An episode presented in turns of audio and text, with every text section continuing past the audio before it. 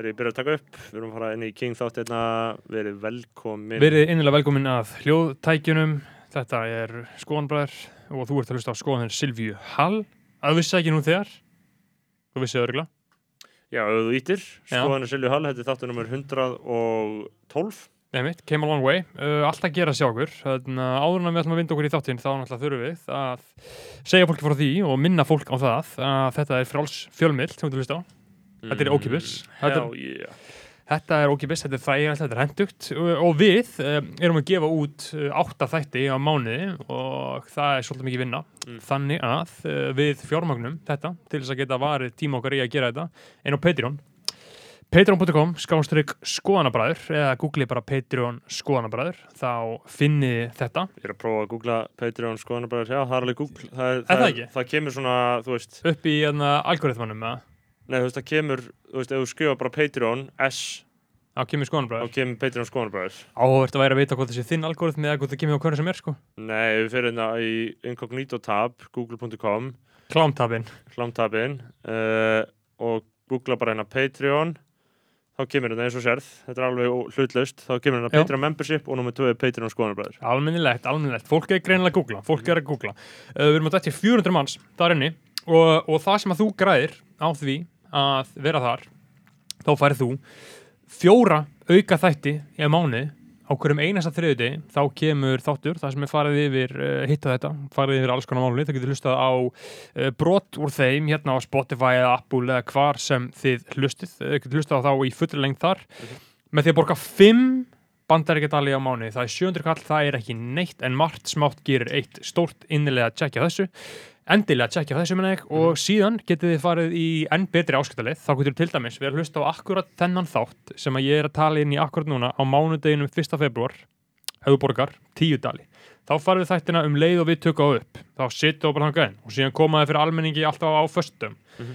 þannig að uh, það er luxus en síðan uh, síðan er uh, Holy Grailið og það er besta áskiptalegin það er sem sagt að vera skafaður þá borgaru 30 dali á mánuði og færið virðingu á nafnið þitt í þáttar og færið að vera með í sögunni, mannkynnsögunni, mögulega ef að einhver stór gestur skildi Mhm. koma þar að segja, þú veist, ef að, ef að Silvi Hall verður fórsættisáðra uh, þá uh, er hlusta á þetta uh, viðtal síðan mér og þá tellum við upp nafnið þitt Mhm. einn, einn ykkar er Ari Helgarsson og síðan er það Benedikt Bjarnason, síðan er það Björgvin Ívar Baldursson Brynjar Guðmundsson, Erik Ólaf Eriksson Geoffrey Huntington Williams, Hjörtur Páll Hjartar Hálfdán Sveinsson, tónlistamæðurinn Dörb Kjartan Þórisson, Kristoffer Daði Sigurður Stefán Bjarnason, Sturla Snorrason Nafnlaus Kvenmaður, Sverrir Jóhansson Tindur Kárasson uh, Áskumur Gunnarsson og Úlfur Árnason. en þetta er ekki allt Nei, nei. heldur eru tveir kóngar sem styrkja okkur báðir um 100 bandaríkjadalega mánuði Styrkja kongarnir. það eru Tandri Snær Traustason og Jóhannes Haugur Jóhannesson algjörlega Fucking Kings. meistarar. Jóhannes Haugur hann er búin að vera að skera upp herur á samfélagsmiðlum undanfarið með uh, mjög Þarna, verðugan málstað uh, þar sem hann er að hvetja Disney Plus til þess að koma inn með íslensku talsetningarnar Já, flott hjá á, Hann er í stríði. hann er í stríði sko, hann Já. er bara búin að vera að keira þetta, gera Hann- endalist að statusum tvítum, þetta er bara svona 20 Já. eitthvað stykki Búin að vera að takka Guðna til há og eitthvað. og núna serðu hérna að hann er búin að hann er búin að aðna, gera, Nei, er, er hann að mýma þetta? hann er að mýma íslensku stjórnars nei, hvað er nýja stjórnarskráðu dæmið og hann breytti sig hvað eru íslensku talsetningarnar af því hann er að segja mitt sko íslensku Disney talsetningarnar eru mikilvægri en nýja stjórnarskráin. There I said it. Þarna, og þetta er svo rétt. Íslenska er eitt elsta tungumál sem ennu talaði í Evrópu í svona áþekkri mynd því sem þekktist hérna áður En, en þetta er náttúrulega mjög verðuð málstöðar hjá honum, Jónas ekki, Jónas ekki út Mhm. af því að það er búið að eyða pí- peningum og tíma og endurist í að talsetja þessa myndir á íslensku. þeir fá þetta ókipis og síðan ek- opnar Disney hér með streyminsveituna sína og leifir ekki íslensku. Það er náttúrulega bara farlegt, það hlýtur að vera bara eitthvað formsatri hjá þeim. Já, og, Og- mér finnst að alþingi ætti að taka þetta upp og alþingi eigi að setja lög. Já, og auk þess leggja til að stór tæknifyrirtæki verið skattlöð í drasl. Ég sammála, ég sammála. Uh, En já, Jóhannes, hann er að berjast fyrir þessu. Uh, Við setjum virðingu hans, sem var líka að fá hlutverki í Vikings. Uh, Það var tilkynnt á Netflix sem að er bara frábært. Uh, til hangi með það, uh, setjum virðingu á hann, styrkjakongurinn okkar. Síðan er hinn styrkjakongurinn og það er Tandri Snær Tröstason, hann borgar okkur líka 100 dalum mánuði. Ég fór að hugsa um þann daginn hvort að því að einu sinni uh, hlustundur, glöggir hlustundur munið því þegar Jóhannes og Tandri skiptust á voru í keppni eða eitthvað annan, það gæti bara verið eitt styrkjakongur en síðastleina svona fjóra vikur hafa þeir verið saman í 100 dólarnum Ég er að hugsa hvort það hafi verið um samráð að ræða. Já, þetta er náttúrulega frekar svona hagfæld staða fyrir þá Já. en síðan var hérna ónefndur aðili að tala um að hann vildi hugsanlega bæta þetta uh, Hjö, kongurinn Já, já, Hjörvar Hjörvar Hafleðsson Já. já Hjörvar Hafleðsson hann hlusta vissulega ekki þáttinn Nei, nei. en, En en við, hann var svo að tala um það þannig að það væri aðtillisverð þá væri viss, þá væri fyrst komin tipp að gerði í Já. þetta já, uh, við hittum Hjörvar Hafleðina á förnum vegi uh, og hann saði einmitt að hann hefði hýrta þættinum og, ef, hann- og við alltaf segðum hann að koma í þáttin og vera kallum á aukunar og hann sagði já ef ég kem þá þarf ég að vera uh, styrkjakongur uh, nei hann sagði ef ég kem þá þarf ég að vinna hann að Jóhanneshauk. Já, einmitt. Það, það var eina sem hann sagði. Ég væri til að fá það báða sko. Já, heyrðu, förum í introið og njótið þetta fyrir Silju Hall. Að um að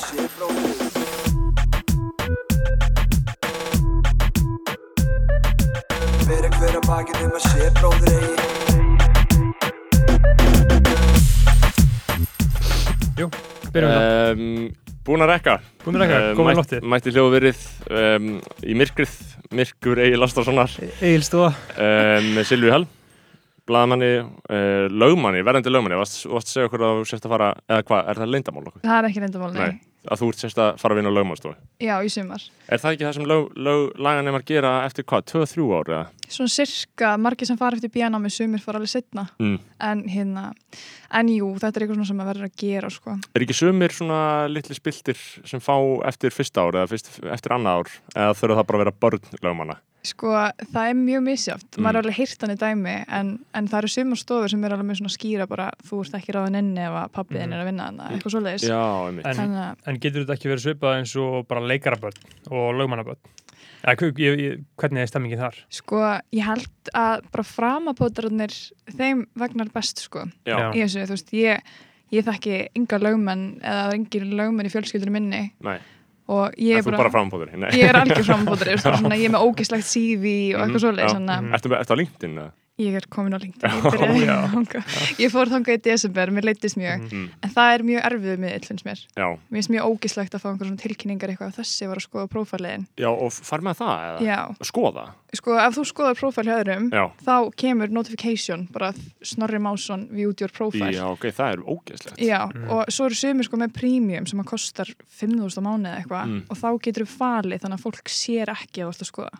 Einmitt, það er náttúrulega rík þá ástæða til þess að fá sér prímjum. Þetta Já. er mjög góðu kvati. Ef við getum haft eitthvað svona í Patreon eða eitthvað. Mm. en, en, Ég myndi, ég myndi ykkur á Instagram myndi gera þetta Það myndu allir Nei, það kaupa sér þetta. Það myndu. Allir allir gera það, kaupa sko. sér þetta en ég man þegar einhver, það voru alltaf, það er alltaf svona þráláttir orrómar um að uh, sko einhver uppsjöf fær um að greina þetta hjá Instagram en ég stóri efast um, um virkni þeirra. Já, ég er mjög skeptiska en ég, samt, ég var alltaf hrætt þegar ég sé þetta sko. Ég hef heyrt svona hrytningssögur, sko, ég hef heyrt hryllingsögur, eitthvað svona um að eitthvað svona, þú veist, ég, ég, ég, ég hef heyrt sögur um það að strákur sefur hjá stelpu.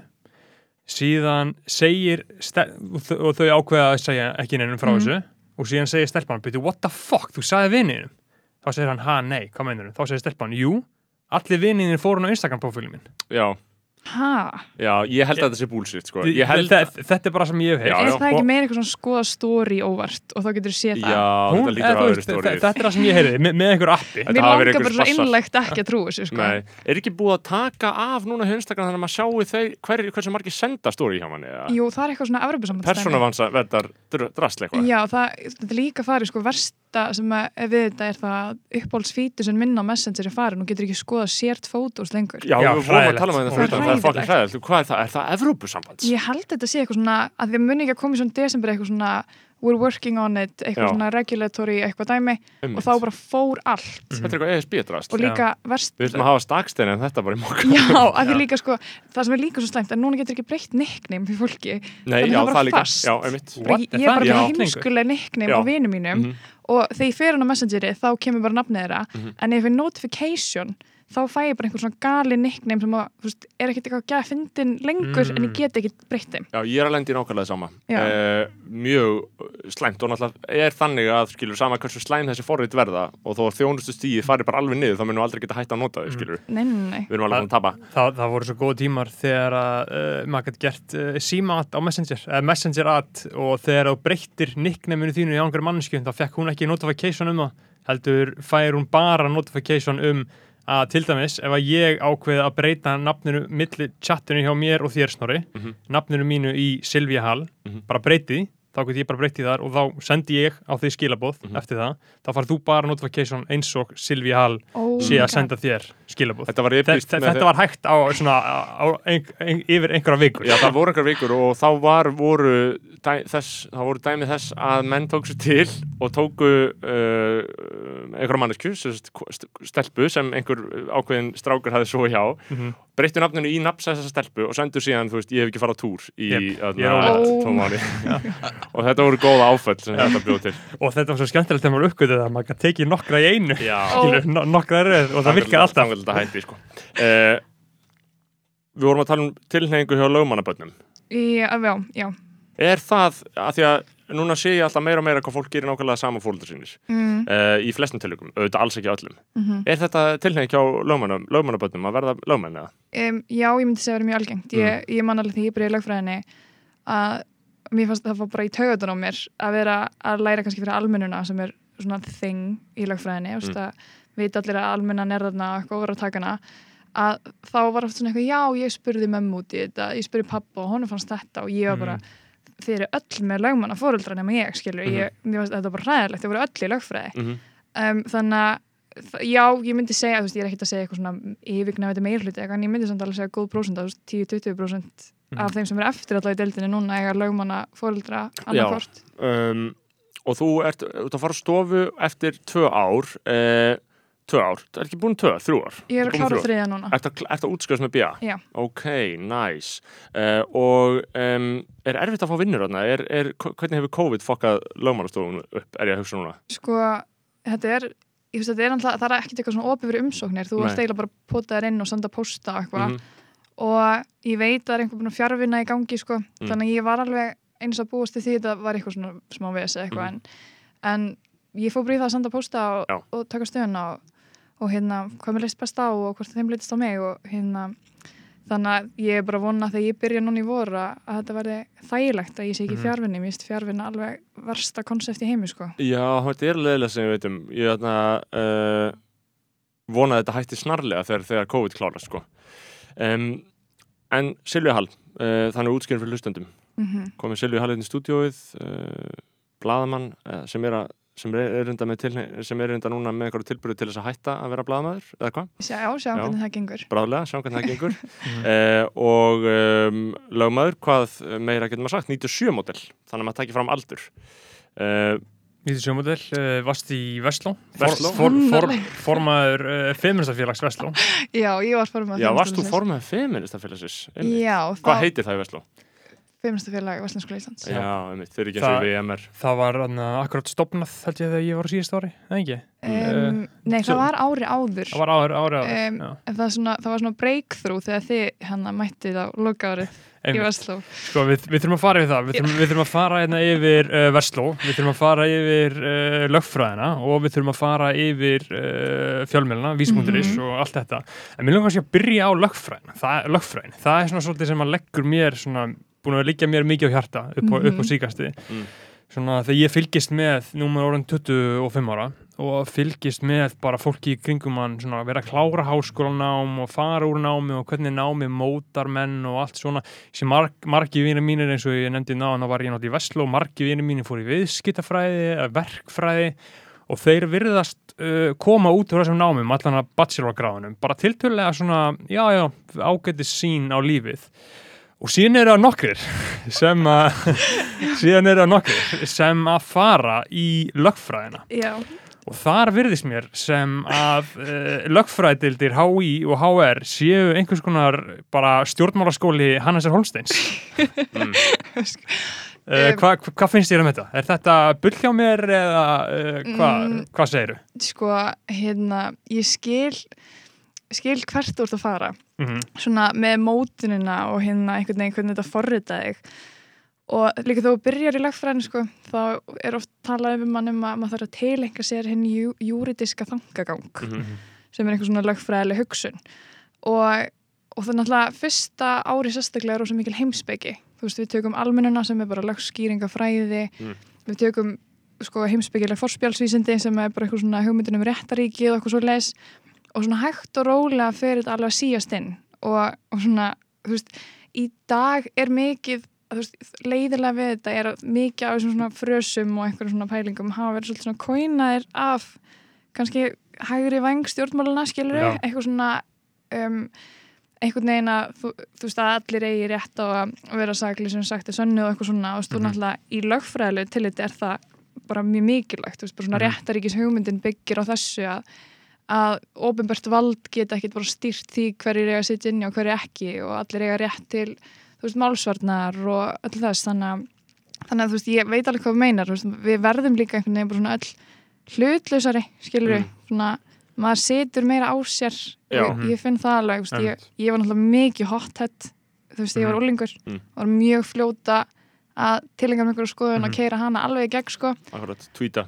Já, ég var, ég var grimm á leiklabarinu sko. Já. Mhm. en samt ekki þannig, ég var aldrei eitthvað að fara að rosa fram á mér en Nei. þú veist, þegar ég var sannfærð þá alveg tók ég bara stórt til orða sko. Já, Mhm. en hérna, nei, ég held bara að vera með leðilegri, ég held að það sé Já. bara málið og Já. líka svona smá átakasækni þú veist, að Mhm. vilja taka hinn pólinn og vera eitthvað svona að taka upp hanskan Mm. fyrir þá sem maður vera drillegu sko, alveg svona Mhm. skemmtilegt að fá raugraðin upp þarf ekki að, að, að, að normalisera það að vera leiðilur ég, það er rosalega miklu fordómar það eru rosalega miklu fordómar fyrir því að vera veist, að, að vera bara, þú veist, einmitt ég tengi mikið við að verða bara að fara í háskólanum og verða bara tölvöld leiðilir og bara því Mhm. því bara með hverjum degi sem verður bara með hverjum nýjum degi, með hverjum nýri sól sem rís, með hverjum dagblæði sem ég les mig í gegnum, þá verð ég leiðilegri manneski ég held að þetta sé þróun sem er stöðug bara alveg svona línuleg þróun hjá mér ef ekki veldisvöxtur. Skilur, uh, er þetta, ég er kannski sterkari hjá ykkur í lögfræðinni? Já, sko, ég- mér finnst alveg, ég er hann áþreifanlegra leiðin, svona leiðilegri ég hef leiðilegri áhugamál og mér finnst sko hlutir sem að engum finnst skemmtlegir ógísla áhugaverðir. Og, og maður svona finnur það að maður er kannski að lesa um eitthvað, eitthvað mál sem að enginn hefur áhuga, bara Mm. vinið mín bara engan áhuga, ég held að ég hafi fyrir svolítið hættulega blöndu hvað það var þar, Mm. að fara í lögfræði sem er nám sem hefur ekki breyst í sko hundrað og eitthvað ár, þetta Mhm. er bara þú veist, jú, lögin breytast en konseptið er sama og svo er ég blaðmaður Mm. þannig að mér finnst mjög leðilegi hlutir mjög skemmtlegir já, bara Já, svona, þú veist, sammála. ég veit ekki hvort þú tengti það, bara eitthvað hlutir sem er í gangi, bara eitthvað nefndar sig alþingis Mhm. eða drama í stjórnskipunar eftirlitsnefnd og maður er bara geðveikt djúpur í þessu og það Mhm. veit enginn hvar þetta hana. nei og sko og svo er þetta svona einhvern veginn, þú veist, þetta er í raun og veru jafn tilgástlust áhugamál Mhm. og bara golf, skilur, þú veist, þetta Já. er, þetta er jafn banalt, skilur, Ég- en, en maður ímynda sér þetta skiptir Já. meira máli, sko Já, ég, ég fann einmitt sko triggerinn í haustum að mér næstu í slökkva Já. þegar þú byrjar að tala um eftirlit og skipun og stjórnskipun nefnd skilir eins og Já, þau bara að gleðin Já, slakni já, líka ja, þú veist, e- bara það, að því ég er fótbolta Mhm. þá þarf ég alltaf að slökka á, á heilinum akkur þarna og það eru svolítið sömu triggerar sem að fara í gang hjá mér að slökka á heilinum þegar ég heyri svona orð. Já, þetta er líka bara svona, þú veist, eins og síðasta sumar, þá var einmitt drama í stjórnskipunar eftirlitsnefnd, Já. mér varst bara sjúkt, það var Mhm, bara mhm. opinn fundur í 90 myndur og það var bara svo fyrir mig að horfa. Já. Ég var Mhm. með beina textalýsingu á vísi, sko, Einmitt. Já. eins og það væri bara manni og Arsenal. Mhm. Þetta er, en þetta er leiðilegt hobby, þetta er ekki viðurkjönd hobby, sko. Mhm. En sko, já, lögfræðin og, og ég, ég á ní- líka vinn í þessu uh, og þar, þar gætir sömu þarna, þróunar. Já, já. að sko þetta með einmitt sko að þegar ég er sammálaður að, að vera með þessa, þessi grundvallar atriði í réttaríkinu við erum með, skilur við, þrískiptingu valds hún skiptir máli til þess að þetta verði ekki bara eitthvað svona fucked up Erdogan situasjón. Uh, síðan erum við með uh, einhver svona grundvallar slagur sem allir skilja sem er bara, þú veist, saglausum settur svo nöðu skilju, þú ert ekki, þú veist, ef að dómur ef að, að, að lögskipaði dómur segir ekki að þú sért segur þá ertu það ekki, Mhm. þú veist, það er mikilvægt að þetta sé svona Mhm. uh, en það er eins og, þú veist, mér finnst þetta eiginlega að vera reglur sem eru og gilda en þú mátt aldrei vísi þær þú mátt aldrei, þú mátt aldrei Mm. nefna þær sem er svo fyndið að þetta er svona kerfi sem að við höfum komið okkur saman um og ég Mm. þú veist, líka bara og ég sagði sem sagt í sannið, bara Mm. prinsip sem að ég trú mjög mikið á en ég er ekki að fara að banna fólki að finnast einhver að fáviti, skilur þú veist, þetta er bara er, þú lærir einhver svona markalínu á skoðunum og einhver svona áfellistómum eða fólki, þannig að þetta er, en allir þessir frasar eru viðbjörslega leðilegir, ég er alveg sammálið því. Og Mm. svona hlustar á lögmenn tala þetta er, veist, það er alveg búið að forrita fólk sem fer í gangum þetta nám, veist, þetta er mjög gefandi, mjög skemmtilegt og áhugavert og allt það, eða kannski gefandi en, en mjög áhugavert skemmtilegt ef maður hefur Mhm. áhuga á þessu. En, en hérna en nei, þetta er bara einhvern veginn þú veist, þetta er líka bara svona tugga sem maður hefur heyrt svo oft. Já, mér finnst sko, mér finnst það sem er eh, oft á, mjög jákvætt í fari lögmanna er að þau eru náttúrulega eh, svona óhjákvæmilega yðurlega sæmilega, ég seg, ekki vel skrifandi en mjög færum að vinna með texta. Og, og það gerir sumt fólk vel skrifandi annað fólk gerir það mjög í- illa skrifandi. Þetta getur farið í báðar áttir. En þú, þú sumir til eitthvað sér klísurnar og, og sjá ekki klísur og aðrir einhvern veginn geta leikið sér svolítið með tungumáli og leikið sér mjög lögfæra og sumir dómar eru bara mjög vel skrifaður það er bara mjög gaman að lesa og ræna í gegnum og sumir eru hræðilegir um, en það sem ég hugsa líka fyrst að ég með þetta við erum, með, að við erum að tala um lögfræðina þetta er áhugavert fá og Beggi hattar alla, alla, vinni sinni sem hafa farið í lögfræðin eða hattar, ég meina að maður sér svona uh, Ég, myrkar, er, myrkar. ég, ég, ég minni á regla og send, sendi þarna, uh, það er mauslag Já. sem heitir Allt sem hún lestir lí Já, þú sem maður til á YouTube. Allt sem hún lesti lígi sko, það sem ég hugsa um er sko einstakir kursar. Uh, ég held að hinn almenni borgari átti sér ekki á því hvað í fjandarn þið nákvæmlega lærið. Af því að þú veist, eru það að læra hvað lögin uh, hvað stendur á það af því að síðast þegar ég vissi þá eiga í raun og veru, við eigum þú veist, við eigum aldrei, maður á aldrei rétt á því að segja ég vissi ekki að þetta væri lög. Er það nokkuð? Nei, þú, átt- þú að að hérna, ég, þetta er mjög skemmtilegt umræfni Mm. hérna, nei, það er bara forsenda fyrir því að lög virki er að þau eru byrt Já. og þú getur ekki búið fyrir þig já, ég vissi ekki að þetta væri bannað, skilur Einmitt. þetta er svona, en það er náttúrulega mjög strangar kröfur ef þetta er eitthvað svona sérstök lög um þína starfstjætt áttu sérstaklega að kunna þau og svo leis en, en að því lögin eru byrt og þau eru aðgengileg Mm.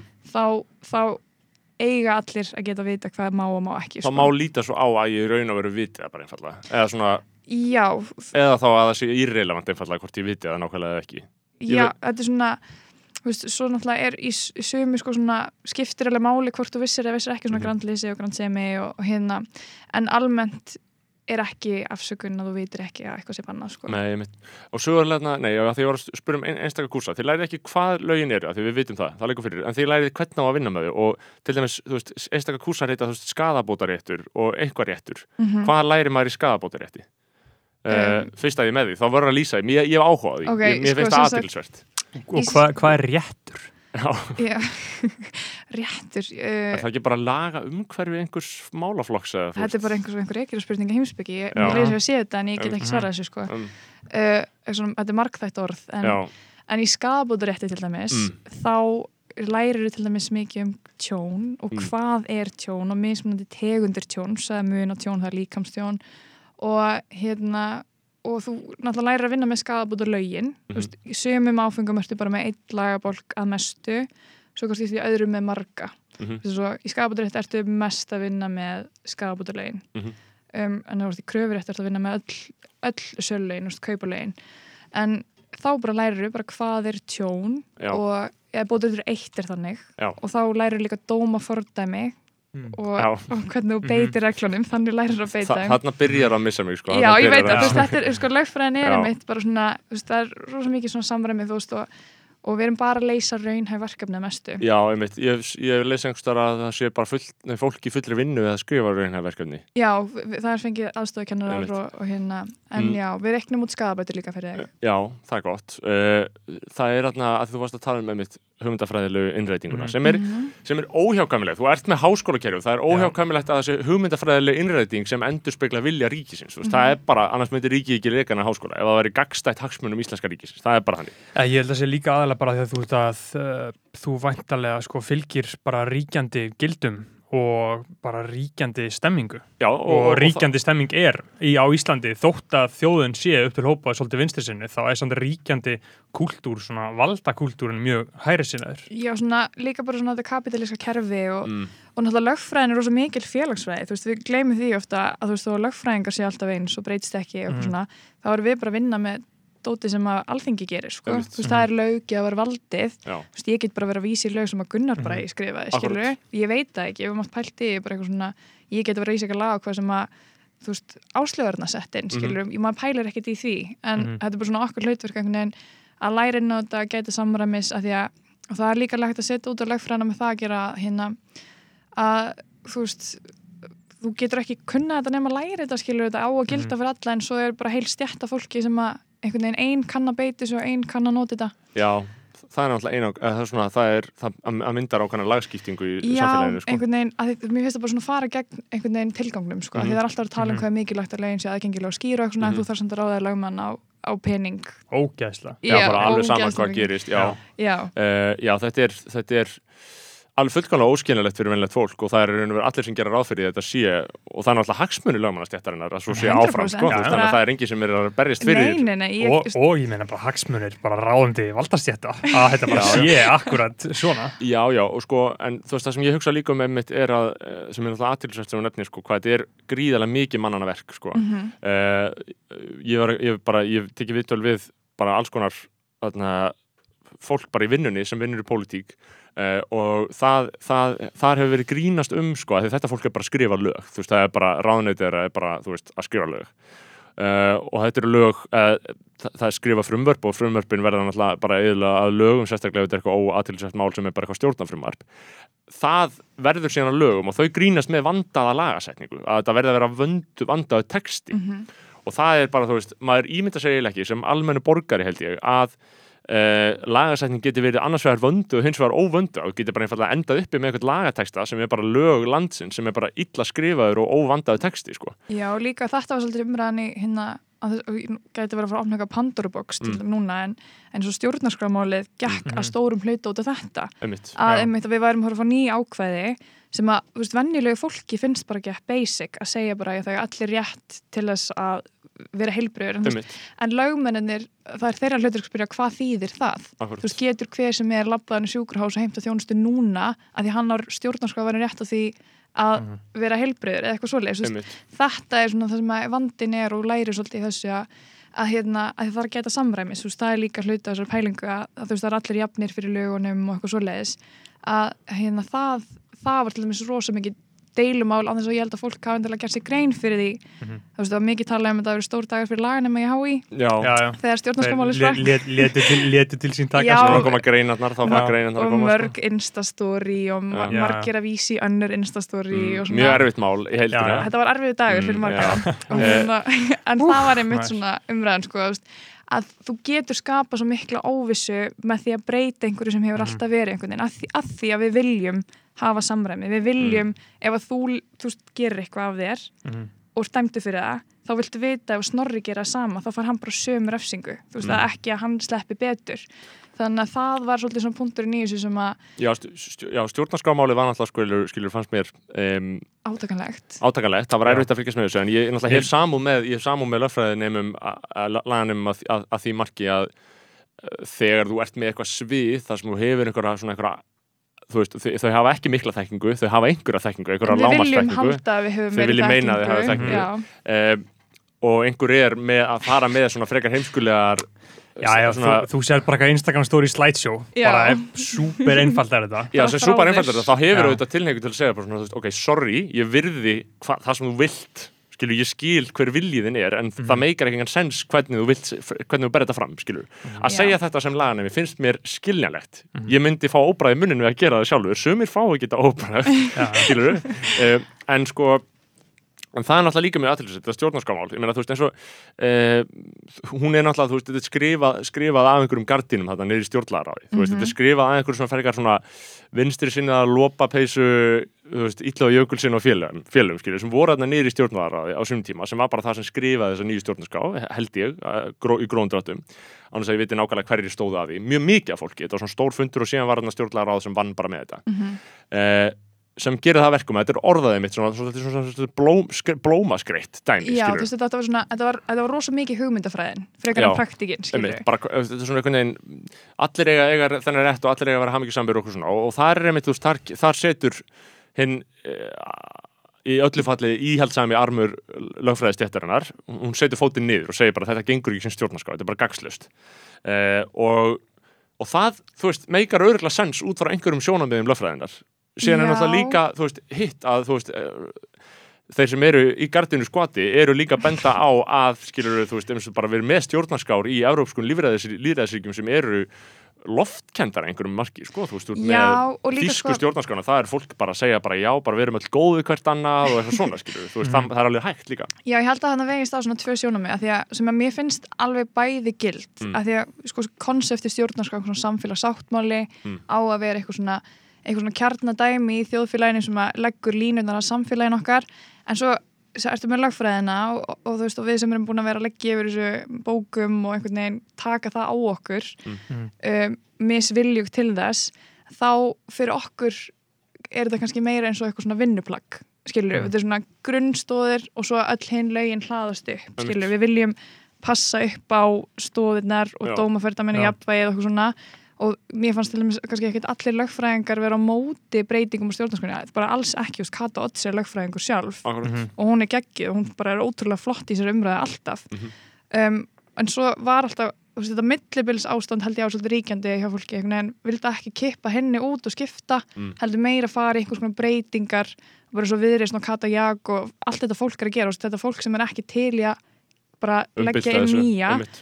heldur meira bara svona ok, hlustum á hvað fólk er að segja það er Já. greinilega vilji til þess að breyta ymsu þarna, fólk Mhm. vill sjá breytingar á fiskveðastjórnakerfinu og öllu þessu já. setja lofslagsmálinn kannski meira inn og eitthvað svona að því þú veist, mér finnst það líka alveg valið punktur að, að það hefur ekki verið almennileg breyting á stjórnarskonu síðan mannrættindakabli og settur inn 92-3 Akkurat.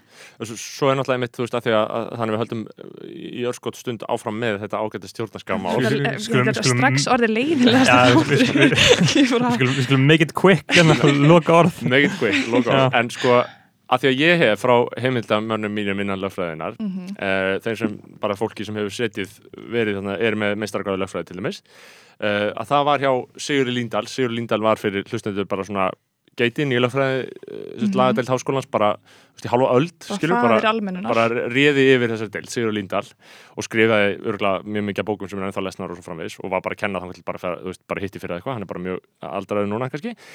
Hann sagði í umræðum um nýja stjórnarská á sín tíma í lögfræði tímum þar sem hann var kennarin þú veist, þá sagði hann að því að stjórnar, deilan um til dæmis fiskveiði stjórnarkerfið snýst um það hvort að auðlindinnar getur verið í eigu þjóðarinnar.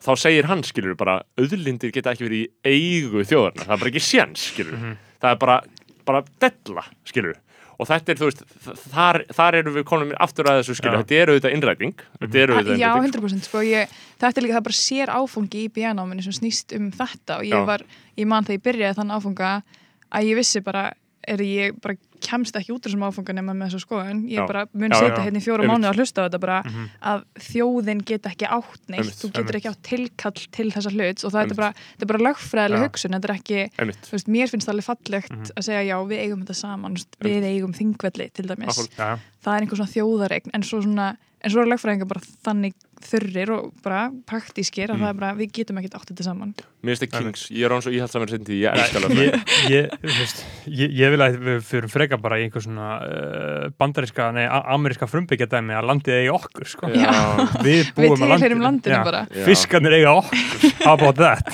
það bát þetta. ég held sko að þú bækir sért að verða fara inn í sjósælismann meira og meira og ég er að fara meira inn í, ég veit ekki, frjálsleint eitthvað dæmi. Íhald sem er bara konservatisma, Já, uh, hvert er þú að fara en, að en þú ert allavega economically left, cu- culturally conservative. Já, er það Það er að segja það. Mér er fí- fínt að hafa þið þar, sko. Silju, ert þú komin á þann stað uh, í þínum ferlið að þú veigraðir við að segja hvað þú stendur í pólitík? sko, já, sko, það sem að vandamálið með er ég fættist ekki inn í pólitíska fjölskyldu Mm, ég er svona, þú veist, og það er, það er enginn í fjölskyldu minni fyrir háskóla Mm. þú veist, ég bara, ég kom svona, bara svona yðnmentaðar í fjölskyldu, mm. -hmm. pappi mér var skipstjóri, mamma mín er helbriðistarsmaður um, og sýsti mín fór ekki í háskóla, hún er bara í hestum og Já. svo fyrir ég í lögfræð og verð bara leiðinlegust í fjölskyldunni Einmitt. og var langfist til að pæla í pólitík og svoleiðis um, byrjaði bara mjög djúb í vinstrinu sko Mhm. bara falleg hugsun og Mhm. allt svona og bara feministi og reyð á netinu og bara Mhm. gaman, Já. bara stemming skilur en í svona í setni tíð þá er ég bara leiðileg miðjumannskja ég segja, ég er svona, ég er svona ske, Hafa, hafa girlboss fræðin náltiðin. ekki, og ég er ekki alveg þar, ég er ekki að setja Kamala Harris TikTok í story og svona Það sko um, en það er því líka svo mikil, mikil palestínu kona sko Já. fór þangað en hérna Mhm. en, Fórstu til Palestínu? Já, Mm. ég fór þangað 2017 Inn á bara strísjá og segði eða bara, eða sko, er ekki ég, allt fókt upp þarna? Eða hvernig er það? Hvað, er, hvað, hvað getur þú líst því? Eða Hvað, hvað Sko- er þarna eiginlega? við, ég fór í skólaferðla ég fór í svona Free Spirit líðháskóla Já, einmitt, já, er- akkurat, þið fóruð með í gegnum danska dæmi þarna. Já, sem, veistu, líðháskólan er alltaf ekki skóli Nei, í nei. neinum skilningi, Einmitt. þetta er bara drikja drikja og, Og- svona, svona einhverju svona geisladiska djam Já, þú veist, og svona ríki millisett krakkar í Danmarku sem fara í þetta, þetta kostar týndir. pening Mhm, emitt Einmitt. og hérna en ég fór í kurs sem að við vorum hana, Þórdís Karavinkun okkar og, Mhm. og, og Binni vinnu minn, við vorum öll saman hana. Og ég og Binni vorum í ljósmyndun og þá var ég svona að explora listrann hliðina mína. Mm. og við fórum til Ísrael og Palestínu. Og, og þetta var upplifun sko, því að við flugum í Tel Aviv löndum þar og erum þar í þrjá dag og það var bara stemming bara, þú veist, ég viss alveg, vorum búin að fá alveg fræðslum og svona, en það er samt bara að fara til Spánar. Það var bara eins og að vera á Magalúf eða eitthvað. Er ekki veistla í Ísrael, eða, þú veist, er sko Tel Aviv er stemmingsborg. Þetta er, bara, þetta er bara strandborg og ég man að við vorum þú veist, það var bara sportbarir. Ég og Binni vorum einhvern heilan dag á einhvern sportbar að Mm. draka bjór og einmitt, bara gaman. Já, já, veist, og svo hittum við einhverja, einhverja ísraelska homma sem elsku Sunni Sekwa, já Júrasson er, er ekki allt morandi í hommum, svona Eurovision hommum og mikið svona jam þetta Já. er bara Tel Aviv er jamstaður sko. Athyglisvert. það var bara fólk að rúla út af klubnum klukkan tvö á daginn sko. Einmitt. og svo fórum við ára Vesturbakkan eftir nokkru dagi til Aviv og þá færði bara svona reality check sko, Mhm. af því að við, vorum, við fórum á rosa marga staði um, en við byrjum í Bethlehem og fórum í fæðingakirkjuna sem var geðvikt konsept að því þú var bara fullt af kunum að gráti við Jésu Krist, skilja bara fæðingasteinnin og þau bara var að beigja sig og gráta og eitthvað Mhm. og svo fórum við í svona búðir svona, þetta eru sko flóttamannbúðir en þetta er samt búið að vera þannig sem 1948 hefur bara ekkert verið gert þarna þetta er bara búið að byggjast upp sem einhver svona þyrping en, en eru í praxís flóttamannabúðir. Og, og þetta er einu búið þar skilst mér sem eru alveg uppi múrin og við fórum fyrst að við fórum þangað á Banksy safnið að því Banksy er náttúrulega rosa pro-Palestine listamæður og þá var ógsta flottar veggmyndir og við hefum eitthvað að spreyja fráls Palestína og eitthvað svona rosa Mhm. hvítir aktivistar og svo heyri ég allir bara svona sprengju bara svona alvöru sprengju og fríka út sko náttúrulega bara gæti ekki verið hvítari alveg sko með ljósasta hári heimi þarna á vegum líðháskólans á vegum líðháskólans bara einhver Mhm. svona gett vernduð umhverfi Mhm. komin í eitthvað svona svona place sem að ég hef aldrei verið á áður og þekkt ekkert til. Voru danir með ykkur, eða? já, við vorum sérst átta Mhm. við vorum þrýr Íslandingar og Mhm. fimm danir. Mhm. og alveg svona miða Austurlanda gett á safari Já. bara. Já, það var bara Já. eitthvað svona white savior Já, á jæðurinnum þar skilur og, og hérna og það sér mig einhver maður alveg rökk í kút sko, hann segir eitthvað no, no, no, no, not here eitthvað, ég eitthvað, ok, ok, where is it? Eitthvað, hann segir ætakamp sem ég var að fara í og ég eitthvað, oh shit og svo keirum við þangað inn og þá bara heyri ég bara svona skjóta úr byssu, þú veist, þetta er gúmikúlir þeir nota Mhm. gúmikúlir svo já, mikið einmitt. og gætin okkur var bara gett pepper, bara kikja út og við öll bara hvíti framann sko Mhm. og hérna svo fórum við þarna vorum hann í einhverju daga þetta er eitthvað svona norst dæmi og kynntum svona okkur krökkum og þau sögðu okkur bara helling af sögum sem er bara gett eðlilegt fyrir þeim, þú veist, þeim finnst bara mjög eðlilegt að segja okkur frá því að að Ísraelski herin hafi rauðst til þeirra meðan nótt og tekið bróður þeirra og sett henni í fangils í fimm mánu og vissi ekki af hverju sko. Einmitt.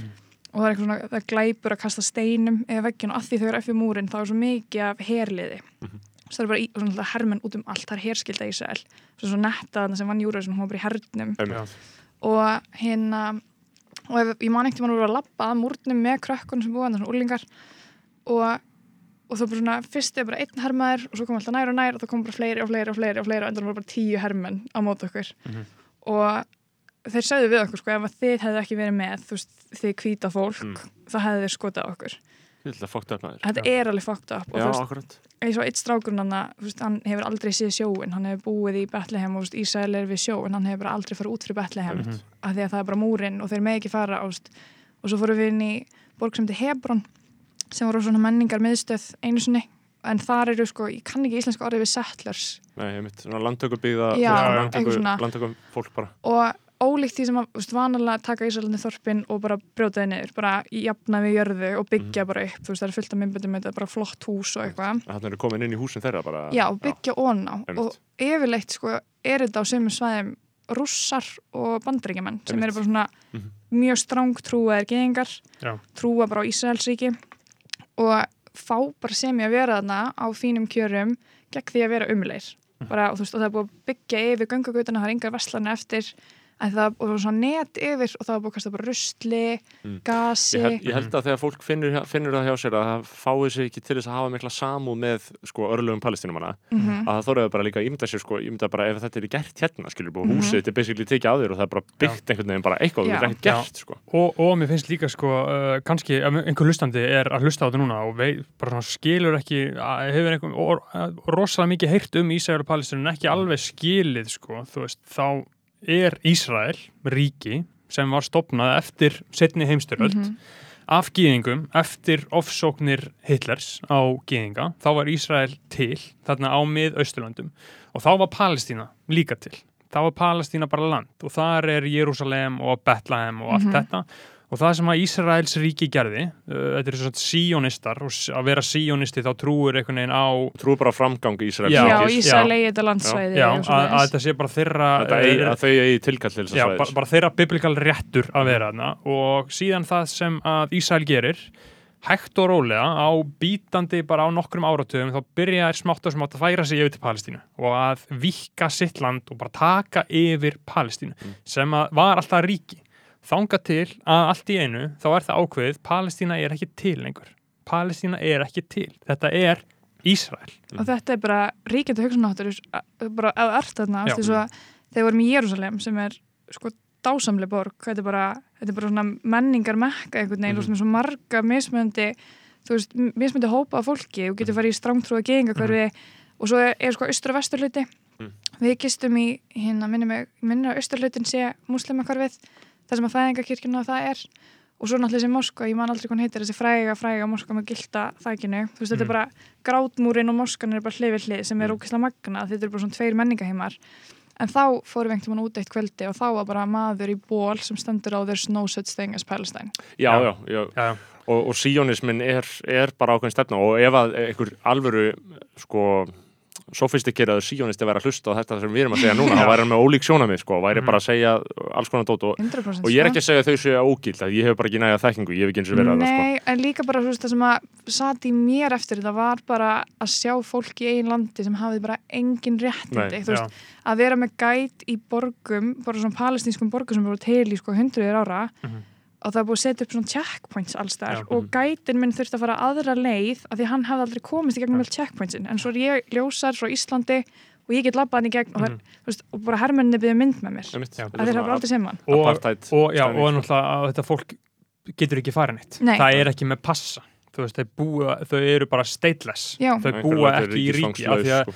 að því að Palestína ríkið er ofinberlega ekki viðkjönt sem ríki Mm. og það sem er aðal líka uh, svona svolítið það ógeðslegasta í líka þessu öllu er að Ísrael er búin að vera að gera þetta fullkomlega með peningum og aðstóð bandaríkjumanna. Þeir eru aðalega búin að vera að gera þetta með þeim. Já, og líka sá ég ekki að myndbandi af Kamala Harris eftir Þetta það er já. sko Ísrael og Já, bandarækjaman eru, þetta eru bara hönd í hönd, þetta er bara sama, þetta er sama heimsveldi sko, en, en herskildan líka er ógeðslega fyndin hann, það far allir í herin sko, ég átti hægri sinna að síðanast að vinna í Berlín sem var að deyta ísraelskar hergjallus, Wow. það er frekar, frekar gott Mhm. nýs þar sko. Mhm. Um, já, einmitt, þannig að, uh, en já, við vorum áður en við fórum inn í Palestínu, þá vorum við að tala um stjórnbálskoðanir. Já, um, Mm.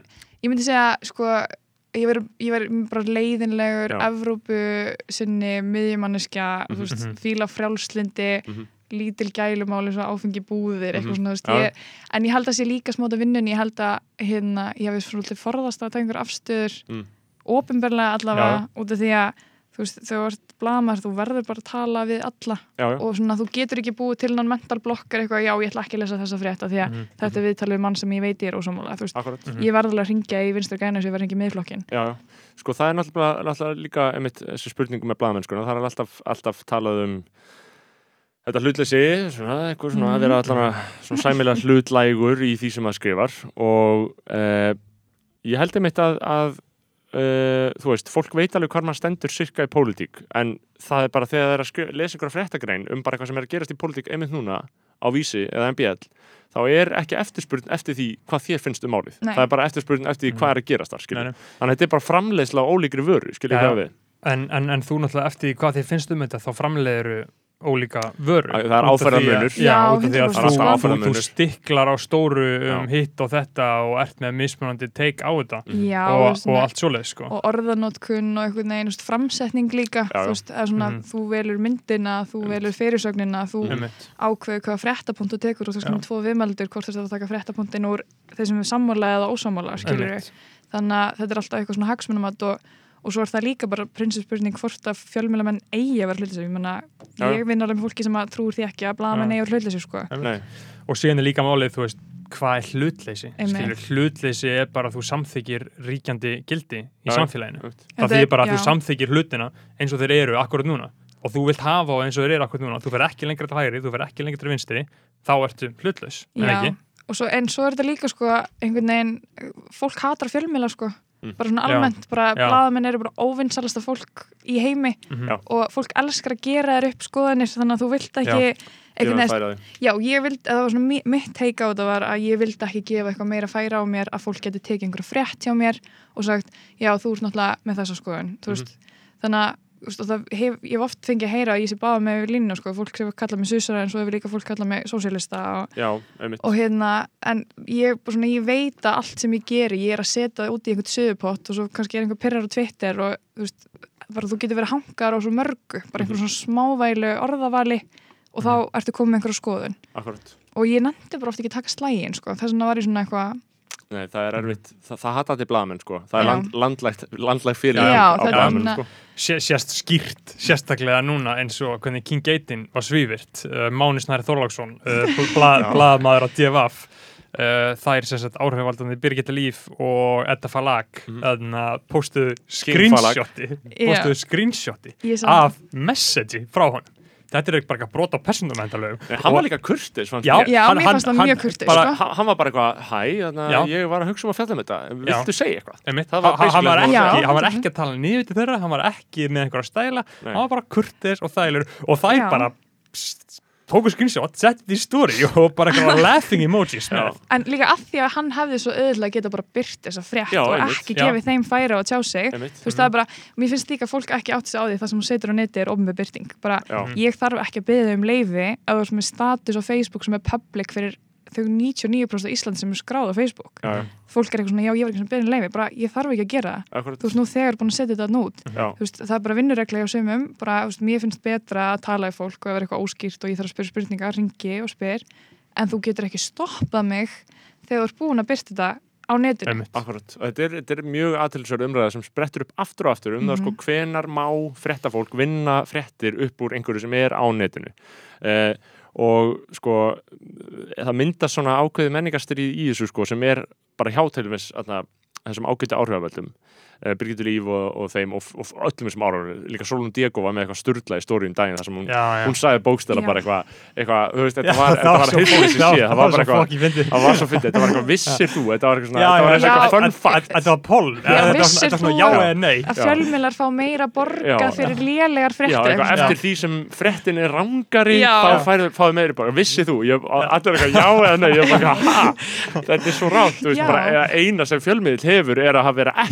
veist, Já. að skilur 100%. það er bara eina sem hann hefur og líka bara einhvern veginn svona þú veist, ég er alveg smá í, í hérna Jakobs Bjarnaskóla með það, þú veist, það, er- það er frétt ef fólk vil lesa, skilur, þú veist, það er svo spurning er þetta frétt, ég meina, ég held líka áhrifaldur átti sig ekki á því, þeir eru þeir get ekki stýrt umræðin um sig þegar þeir eru nú þegar orðnar omberi manneskjur, það er ekki hægt að gera kröfu á að vera með 2000 fylgjenda og fá að borga fyrir að dæla auglýsingum í þessa fylgjendu sína Einmitt. og gera það bara starfi sínu akkurat, en ætla líka að einmitt. já, Já. bara ákveða hvað er skrifað um þau, Já, og, og svo er þetta líka alltaf, skilur þú veist, ég má skrifa um hvað brúðköpið þitt var epíst og hvað þú Mhm. ert ríkur og flottur, en ég má ekki segja orð, ég má ekki halla orði um þig og þá bara ferðu að, sko, að bladra Já. st- með slíkum hætti um fjölmiðla að maður er bara eitthvað, Og og, og, fólk gleipi við þessu, þetta hefur áhrif. Já, auðvitað, ég myndi að það er bara hvernig næsta bara, bara successor King Eiterinnar sem að kemur á eftir Móna Snær Þorlóks heldur að hann nenni núna að vera eitthvað ofnbærlega seimaður á Instagram story að senda þeim eitthvað skilabóð Líka hann sko, vant að hugsa bara, fuck maður, King Eitin var alveg tekin var, var alveg tekin hann, ég nenni ekki að þetta verið gert Geitin um líka. hann er heilu stríði sko. Já, já, hann, hann er culture warrior on the front lines. Hann er líka sko. taka slægi sem að sko, við snorrið sleppum Já, við. Við snorrið með svona hard news, politík. Mhm. boring dæmi sem er bara mjög viðurkent að við skrifum um hann er að skrifa sem fólki vill lesa en enginn Já. leggur í sko. það er Bara- málið sko þess vegna dáist ég aðast það er svona lesist undir greina frá Já. Emmitt, geitinni og fleiri, Einmitt. það eru fleiri í þessu sem maður er bara, wow, skilur, já, já, og það, það er svona að bera nafn með rent Já. King Eitin bara Já, já. 100% Já. sko. Mm. Nei, nei, mér finnst mjög fyndið að sjá að það er svona, ef maður, maður hugsa um þetta ágæta menningastyri sem, sem er á þessu leiti algjörlega fyrir hendi, sem er á milli bara blaðamann og áhrifavalda, skilur, Já. þá veit ég alveg hvað Og- lið, liði ég er, Já, og, og þið sjáum náttúrulega sko bara í þessu, við vorum að tala inn um svona ríkjandi gildi og bara hvernig fjallað er um áhrifvalda. Frettir sem eru fluttar af áhrifvaldum. Þær eru 100% einungis jákvær. Já. Þú sér þá bara í stjórnulífið Já. og Instagram vikunar eða þessi gerir þetta, eða þessi gerir þetta það eru einungis 100% fullkomlega jákvæð meiri sér sko rúf og sem er svona miðla sem eru með svona menningar umfjöllun rúf og mokkin til dæmis á af og til eitthvað, eitthvað svoleið sko þar er ekki fjalla krítist um þessa áhrifvalda eins og fjalla er um tónlist bíómyndir, leikhús, hvað sem er sem ætti náttúrulega að vera gert. Þetta fólk fær bara að vaða upp og komast upp með hvað sem er og græða pening á að valda öðru fólki óryggi Já. og bara uncheckað, fullkomlega uncheckað. Það er Já. engin að segja neitt við þessu. Það, það, það, bara, það meika engin það þekki allir einhvern sem er veist, með því að svífir þessa stjætt þá er ég að svífir að bara freka góða vinni mín já, um marga sko en, en þeir ætti alveg að geta tekið því þetta er bara svo að vera að lögga bara, bró, fyndu þér aðra vinnu skilur, A, já, ég sko líka að því þú veist þau, þau fá borga fyrir að sko tróða hlutum onni í koki á okkur gegn okkar vilja, ég er bara Mhm. Já. mikið fólki sem að mig langar ekki að sjá þetta stöf frá en ég er ekki að fara að unfollowa þetta eru félaga mínir Mhm. skilur, Já. þannig ég verð bara að horfa einhverja tegulusingar Mhm. og sponsaðar ferðir í einhverja, einhverja hótel eða eitthvað, þú veist það bara, ég verð bara að gera en ég bað ekki um þetta skilur, Nei. þú veist þau eru að eyðileggja samfélagsmiðlinn Já. minn, bara sem ég eyði tíma mínum í Já. Já, ég, sko þú, er- þú, er- þú, ert, þú ert sympathæsir Eh, Sko, ég sympathæsir að því leiti að ég veit að það verður alltaf fólk sem hefur meiri áhrif en aðrir í samfélaginu og það er alltaf fólk sem verður litið upp til og þar með sjá, sjá, sjá einhverju aðilar tækifæri í því að nálgast þetta fólk og byggja þau um að uh, halda einhverju lofti sem þau vilja að halda sér á lofti Þú veist, þetta, er bara, þetta er bara mannlegt eðli. Þetta er bara út í hóp, þá bara talar við þann sem hefur völd og segir, skilur, promotera þessa hugmynd mm -hmm. eða vöru í þessu tilfelli. Ég, veist, ég, ég veit bara þetta er óhjákvæmileg uh, ráðstöfun innan mannlegs þetta, þetta samfélags hefur alltaf verið henni, já. Uh, þetta er úrkynnað núna. Þetta er viðbjör, Já, skilur, já. þetta er algjörlega í, Mhm. í einhverjum svona fasa, þú veist, þar sem að ég líka kæri mig ekki um Já. neitt af því sem er verið að promotera þarna, Mhm. skilur, ég sjálfur. En ég hugsa samt, skilur fá þeim ekki pening er það, þau eru, þau að banka að því að sko á samahátt og það eru mjög mikla ránkumundur um fjölmiðla og þessi kliks, það er alltaf að tala um þessi kliks og þú veist, Mhm. það er bara elsta trikk í bókinni er að segja eitthvað, segja svona eitthvað upp, upp á eitthvað smellur eða hvernig sem það er og að þau græði meiri pening og þú veist, og það er náttúrulega líka það sem Solon Diego var að reyna að segja þarna, eitthvað svona, því verra sem þetta er og því rángara sem þetta er, því meira græða þau Já. skilur og þetta er stilt upp sem einhverju svona reikningsdæmi fyrir fjölmiðluna þegar fólk veit ekki bara að þú veist, það eru bara allir fjölmiðlar á Íslandi á horreiminni að reyna bara að halda áfram næsta dag það bara svo hlaupa lítill hraðar og peningur hraðar og hraðar og bara fólki í, í, í bara þreföldu extra large burnouti á hverjum einasta degi, skilur við uh, uh, þá hugsa ég skilur hvort að við sem er ranga hugmyndum að hversu mikið pening þau eru raunverulega að græða þessir, influ, þessir influensarar hvað haldið þið? Haldið þið séu alveg peningar í þessu? ég, ég held þessi stærstu sé alveg að hafa fengt upp úr sko. Eru, þetta er líka orðið svo mikið þetta er bara atvinnan þeirra þú veist, þau eru bara með samninga og þau eru með lögmenn Mhm. og, og umbósmenn og svona, ég held að það er með alvöru following, það er með bara 20.000 Já. þú getur haft fengt upp úr þessu þú veist, og þá getur líka að þú ert til í einhvern ákveðin lífstíl, þá getur bara fjármagnaðan svona, þú þú ert til í að vera frá ferðir og gist á hótelum eitthvað, bara epíst skilur, en Já. svo held ég að þessi líka fullt af 15 ára krökkum að fá einhverja þúsunkalla, sko. Já. bara TikTok að vera auðvitað einhverja vor, þú vorrúlur og eitthvað, Mhm. ég held að það sé ekkert peningur í því, sko. Það voru, hérna, ma- ég man hérna á sín tíma, ég, hef, ég er ekki svona í nánum tengslum við neitt sem er svona aktífur áhrifarættur, ekki svona alveg nánum, en ég man hérna á sín tíma þegar maður var svona, þegar ég var aðeins meira í kringu svona aðeins meira, þú veist, fólk sem var alveg í þessum pakka, þá fylgdist ég alveg með því hvernig það var, e, þú veist, það voru bara einhverjur eins og bara, bara vorrúlur bara, þú veist, það var bara eitthvað lítið fyrirtæki sem var bara, fekk bara eitthvað verkefni um að koma vorrúlum bara til ákveðin áhrifalda eða bara svona til nokkur áhrifalda og þá voru bara vorrúlur störum, munið ekki eftir þessu? Þetta var smá jú. fasi, ég veit ekki alveg hvort það sé í En gangi ennþá, var þetta sé það í gangi? þetta var, minnum ekki eftir appinu sem kom? Sko, eitthvað ghostlamp eða? Já, þú gæst Já, og og það var sem er þúsund followers plus þá gæst skráðan inn og fengið tilbúð ég prófaði einhvern veginn skaminn þetta Já. með að búa auðlýsa einhvern, einhvern einhverja körfi með dömubundum eða eitthvað Mhm. og ég hugsa, nei, þetta er ekki fyrir mig var eitthvað peningur í því veist, einhverju þúsund kallar og alltaf bara frítt stöf Já, Þú veist, ég var í einmitt. Vastló þegar ég tjekka á þessu sko. sko, ungt fólk því finnst nett að fá frýtt stöf já, elska Já. sko skilur, það, það, það er drullu, því er drullu sama Já, já. um, skilur, að því að þetta er svo normalisera því Mhm. finnst bara Einmitt. status að og, fá og, frýtt stöf, og, það það er náttúrulega annað, það þarf svolítið mikið það þarf svolítið að gera sko mörk á milli þess segjum sem svo að við varum með spons á þessum þætti Mhm. það er svolítið annað en að Mhm. ég væri á mínu eigin Instagrami að selja eitthvað sem að ég sjálfur að því að með því það sem þú ert að gera á Instagrami er að segja, herðu, lífið mitt það er fokkin epist og það er út af því að ég er með þessa hérna vöru og lífið þitt gæti orðið jafn epist og mitt ef þú kaupir þessu vöru, það er örgulega ekki að fara að vera það en ég er bara að segja, það gæti orðið það. Og með þessu alltaf að selja þessar vörur það er það allra, allra versta í þessu. Af því að uh, það sem að í rauninni eins og við talum á stjórnmálagóðum það sem heldur okkur helst frá sósialismannum það er, það er, það er materialismin í fólki. Og að fólk sé alltaf að kaupa meira og meira og meira og meira af fokkin kjaftaði og ruggli og shiti sem við þurfa ekki. Og það kemur niður á öllum heiminum af því þið sjáu hvernig þetta bara breytast. Uh, ömmur okkar afa uh, ömmur okkar afa, þau byggu hérna á Íslandi náttúrulega langum okkar afa, þau byggu bara í hell- hellum út á landi en ömmur okkar afa, þau byggu hérna og bara það fyrir þau að kaupa sér íbúð það var bara, hm, já, vinnum aðeins í þessu uh, það er ekkert mál kaupa sér bíl, já, gerum það. Uh, Það, það, það var svona svolítið mikið val en síðan var að svona kaupa sér föt það var bara eitthvað sem hún keftir og átti þig kannski í 15 ár. Mm -hmm. kefti þig góðan jakka, átti henni 30 ár. Kefti þig skó, átti hann bara í góð 20 ár, bara góða leður skó fórst henni til skósmiðs og rettaði þessu en núna er þetta búið að flippast algjörlega á hausin já, já. allar neslufur orðnar svo ógeðslega ódýrar. Þannig að allir bara kaupa og kaupa og kaupa og kaupa og fylla upp ruslahaugana og reyna að fylla upp tómið í hjartanu sínu með því að kaupa sér nýtt og nýtt og nýtt shit á meðan að þú veist íbúðunar og allt það shit er orðið alvöru kapitalið er orðið miklu dýrara fyrir meðal mannin að nálgast. En þetta er orðið miklu miklu miklu ódýrara. Og það sem aðal, það sem að bífum mitt við áhrifalda er að þeir halda uppi þessum yðnaði það sem þessi smávöru neyslu yðnaði Já, ég veit ekki hvort þeir haldi þessu upp, á, upp úr eða hvort þeir séu þess að hvort þeir séu einkenni eða, eða einkenni sjúkdómsins eða sjúkdóminu sjálfur sko. bara svolítið, svolítið blanda Já, en neyslan, skilur, ef við tölum að þessum neyslu við, ég tel mig við tölum eins og, sérstaklega þessum þætti við tölum eins og við sem komnir yfir neyslu Nei, a- a- Hyggju. al, al, alls ekki Nei, en, en það gæti hljómaðan þig það er Já. ekki hann eða Ert þú komin yfir neyslu brálega? Ertu, ertu jafn mikið að kaupa bullshit og núna og fyrir fjórum árum Silja, heldur það?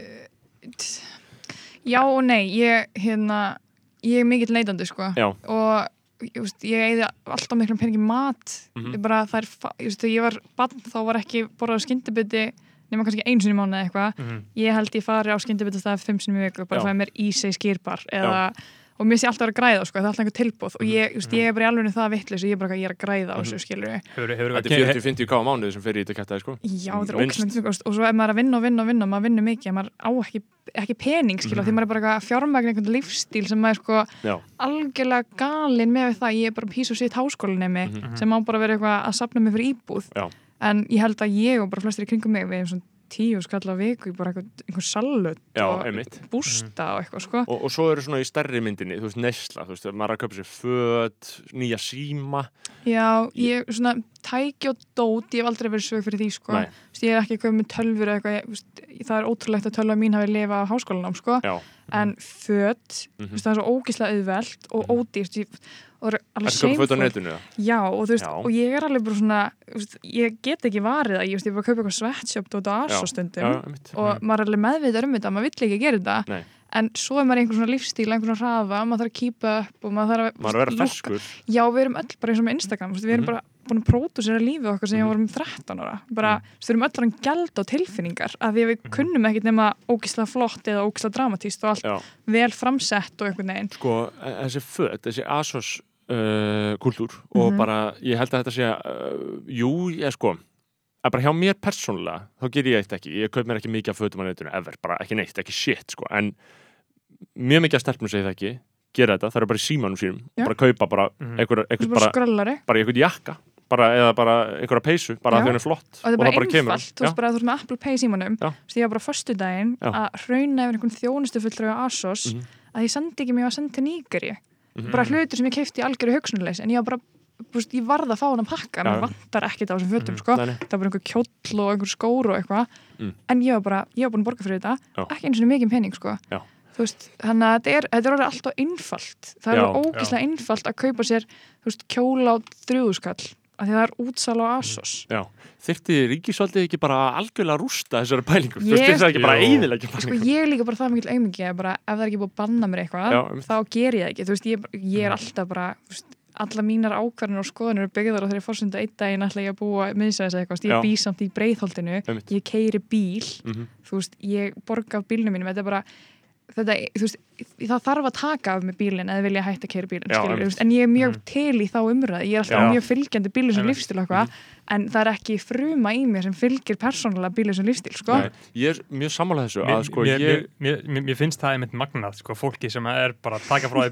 taka frá þessu frá From my cold dead Já. hands ég er bara, ég Bara held ég- bara þessu bot bolli í 17 skilur, bara algjörlega bara þið takið ekki af mér bíl En, en sko, mér finnst þetta svo aðtilsvægt sem þú segir sko um það að maður er með einhverja hugsun um, Já. til dæmis, maður trúir að hugsun um bílans og lífstíl en maður getur ekki framfyllt henni í einn lífi þannig að ég vil að og hefur opinbera, ég vil að valdið geri þetta ég vil að Dagur Bjarkisson komi heim til mín Já. og taki bílinn minn Já. út af því að ég veit að ég er ekki nógu viljasterk til þess að bara ákveða það að selja bílinn minn, Mm. taka strætó þú veist, og líka bara, ég myndi vorkenna mér svo fucking mikið Mm. að sitja í strætó í Artúnsbrekkunni að fara að gera alla hlutina sem ég er að það gera er lett, bara ómögulegt Já, bara, veist, ef ég myndi búa í miðbænum gæti ég öruglega að láta mig hafa þetta og, og svona, og Beggi lifir ágætlega tiltölulega billu sem lífstíl þegar þú ert í miðbænum Já. á, á, á bíó hverjaskötu sko, Já. það er bara þá ertu easy, bara sko. m- löngum Það er- stund Já, og það er alveg næst, þú getur bara labbað í sundutum Já. og labbað að köpta Já. mat, allir er það, lífið mitt Og- til dæmis er ekki það sem ég bý, sko. Mm. En ég líka sko, og ef það er eitthvað að linka upp í skeifuna eða eitthvað og segja bara nei, verður að misvæðis Já. og það bara virkar. Já. það er þetta bara, hm, ok, ekkert mál. Já, ég, ég man eftir því sko að því að uh, ég man bara í sumar þá var ég bara búin að vera veist, marga mánuði samfleitt í svona einhverju heimavinnu og var bara búin að fá ákveld laun af því að ég var líka með einhvern svona, svona persónaafslátt en það eftir að því ég hafði ekki verið að vinna yfir árið. Og ég var bara búin að vera að fá bara mjög fín laun þannig séð, bara ekki fín laun en bara allt er lægi laun Uh, fyrir vinnuna mína og þetta voru svona mikið aukavöktum líka og Mhm. helgavöktum og þetta, þetta sapnast alveg upp í svona allt í lægi paychecka á sumrin Þetta var líka bara COVID-tíum. bara COVID-tíum, bara, bara, bara, já, einmitt, bara vinna, vinna, vinna uh, þá fjekk ég hugsun sem ég hugsaði svo sem ekki til enda en ég hugsaði, þú veist ég er hérna að fá þessi laun að skrifa um hvað atvinnuleysið kom upp í 12% og bara allir á Reykjanesinu eru bara farin að bara, þú veist, bara geta hnéskalletnar á sér, skilur Mhm. þú veist, það þyrfti að hækka skatti minn það þyrfti bara að bara setja 70% skatt Já. á mig í smá Mhm. stund það þyrfti bara að vera að fylgjast með. Mhm, ég bara veit eignum fólks, Já. bara heyrðu, hérna er bara hérna er eitthvað mjög óðæðileg eignamyndin í gangi Yep. þessum gauður sem býr íbúðinu fóröldur sínum. Hann hefur ekkert við að gera. hann er ekkert veit að gera, en að taka 70% Já. af þessu. Mhm. mér finnst, mér finnst þetta eðlert en ég væri ekki sjálfur að fara með þetta til þa- þetta er þannig sem koma aftur inn í sósialismann af hverju ég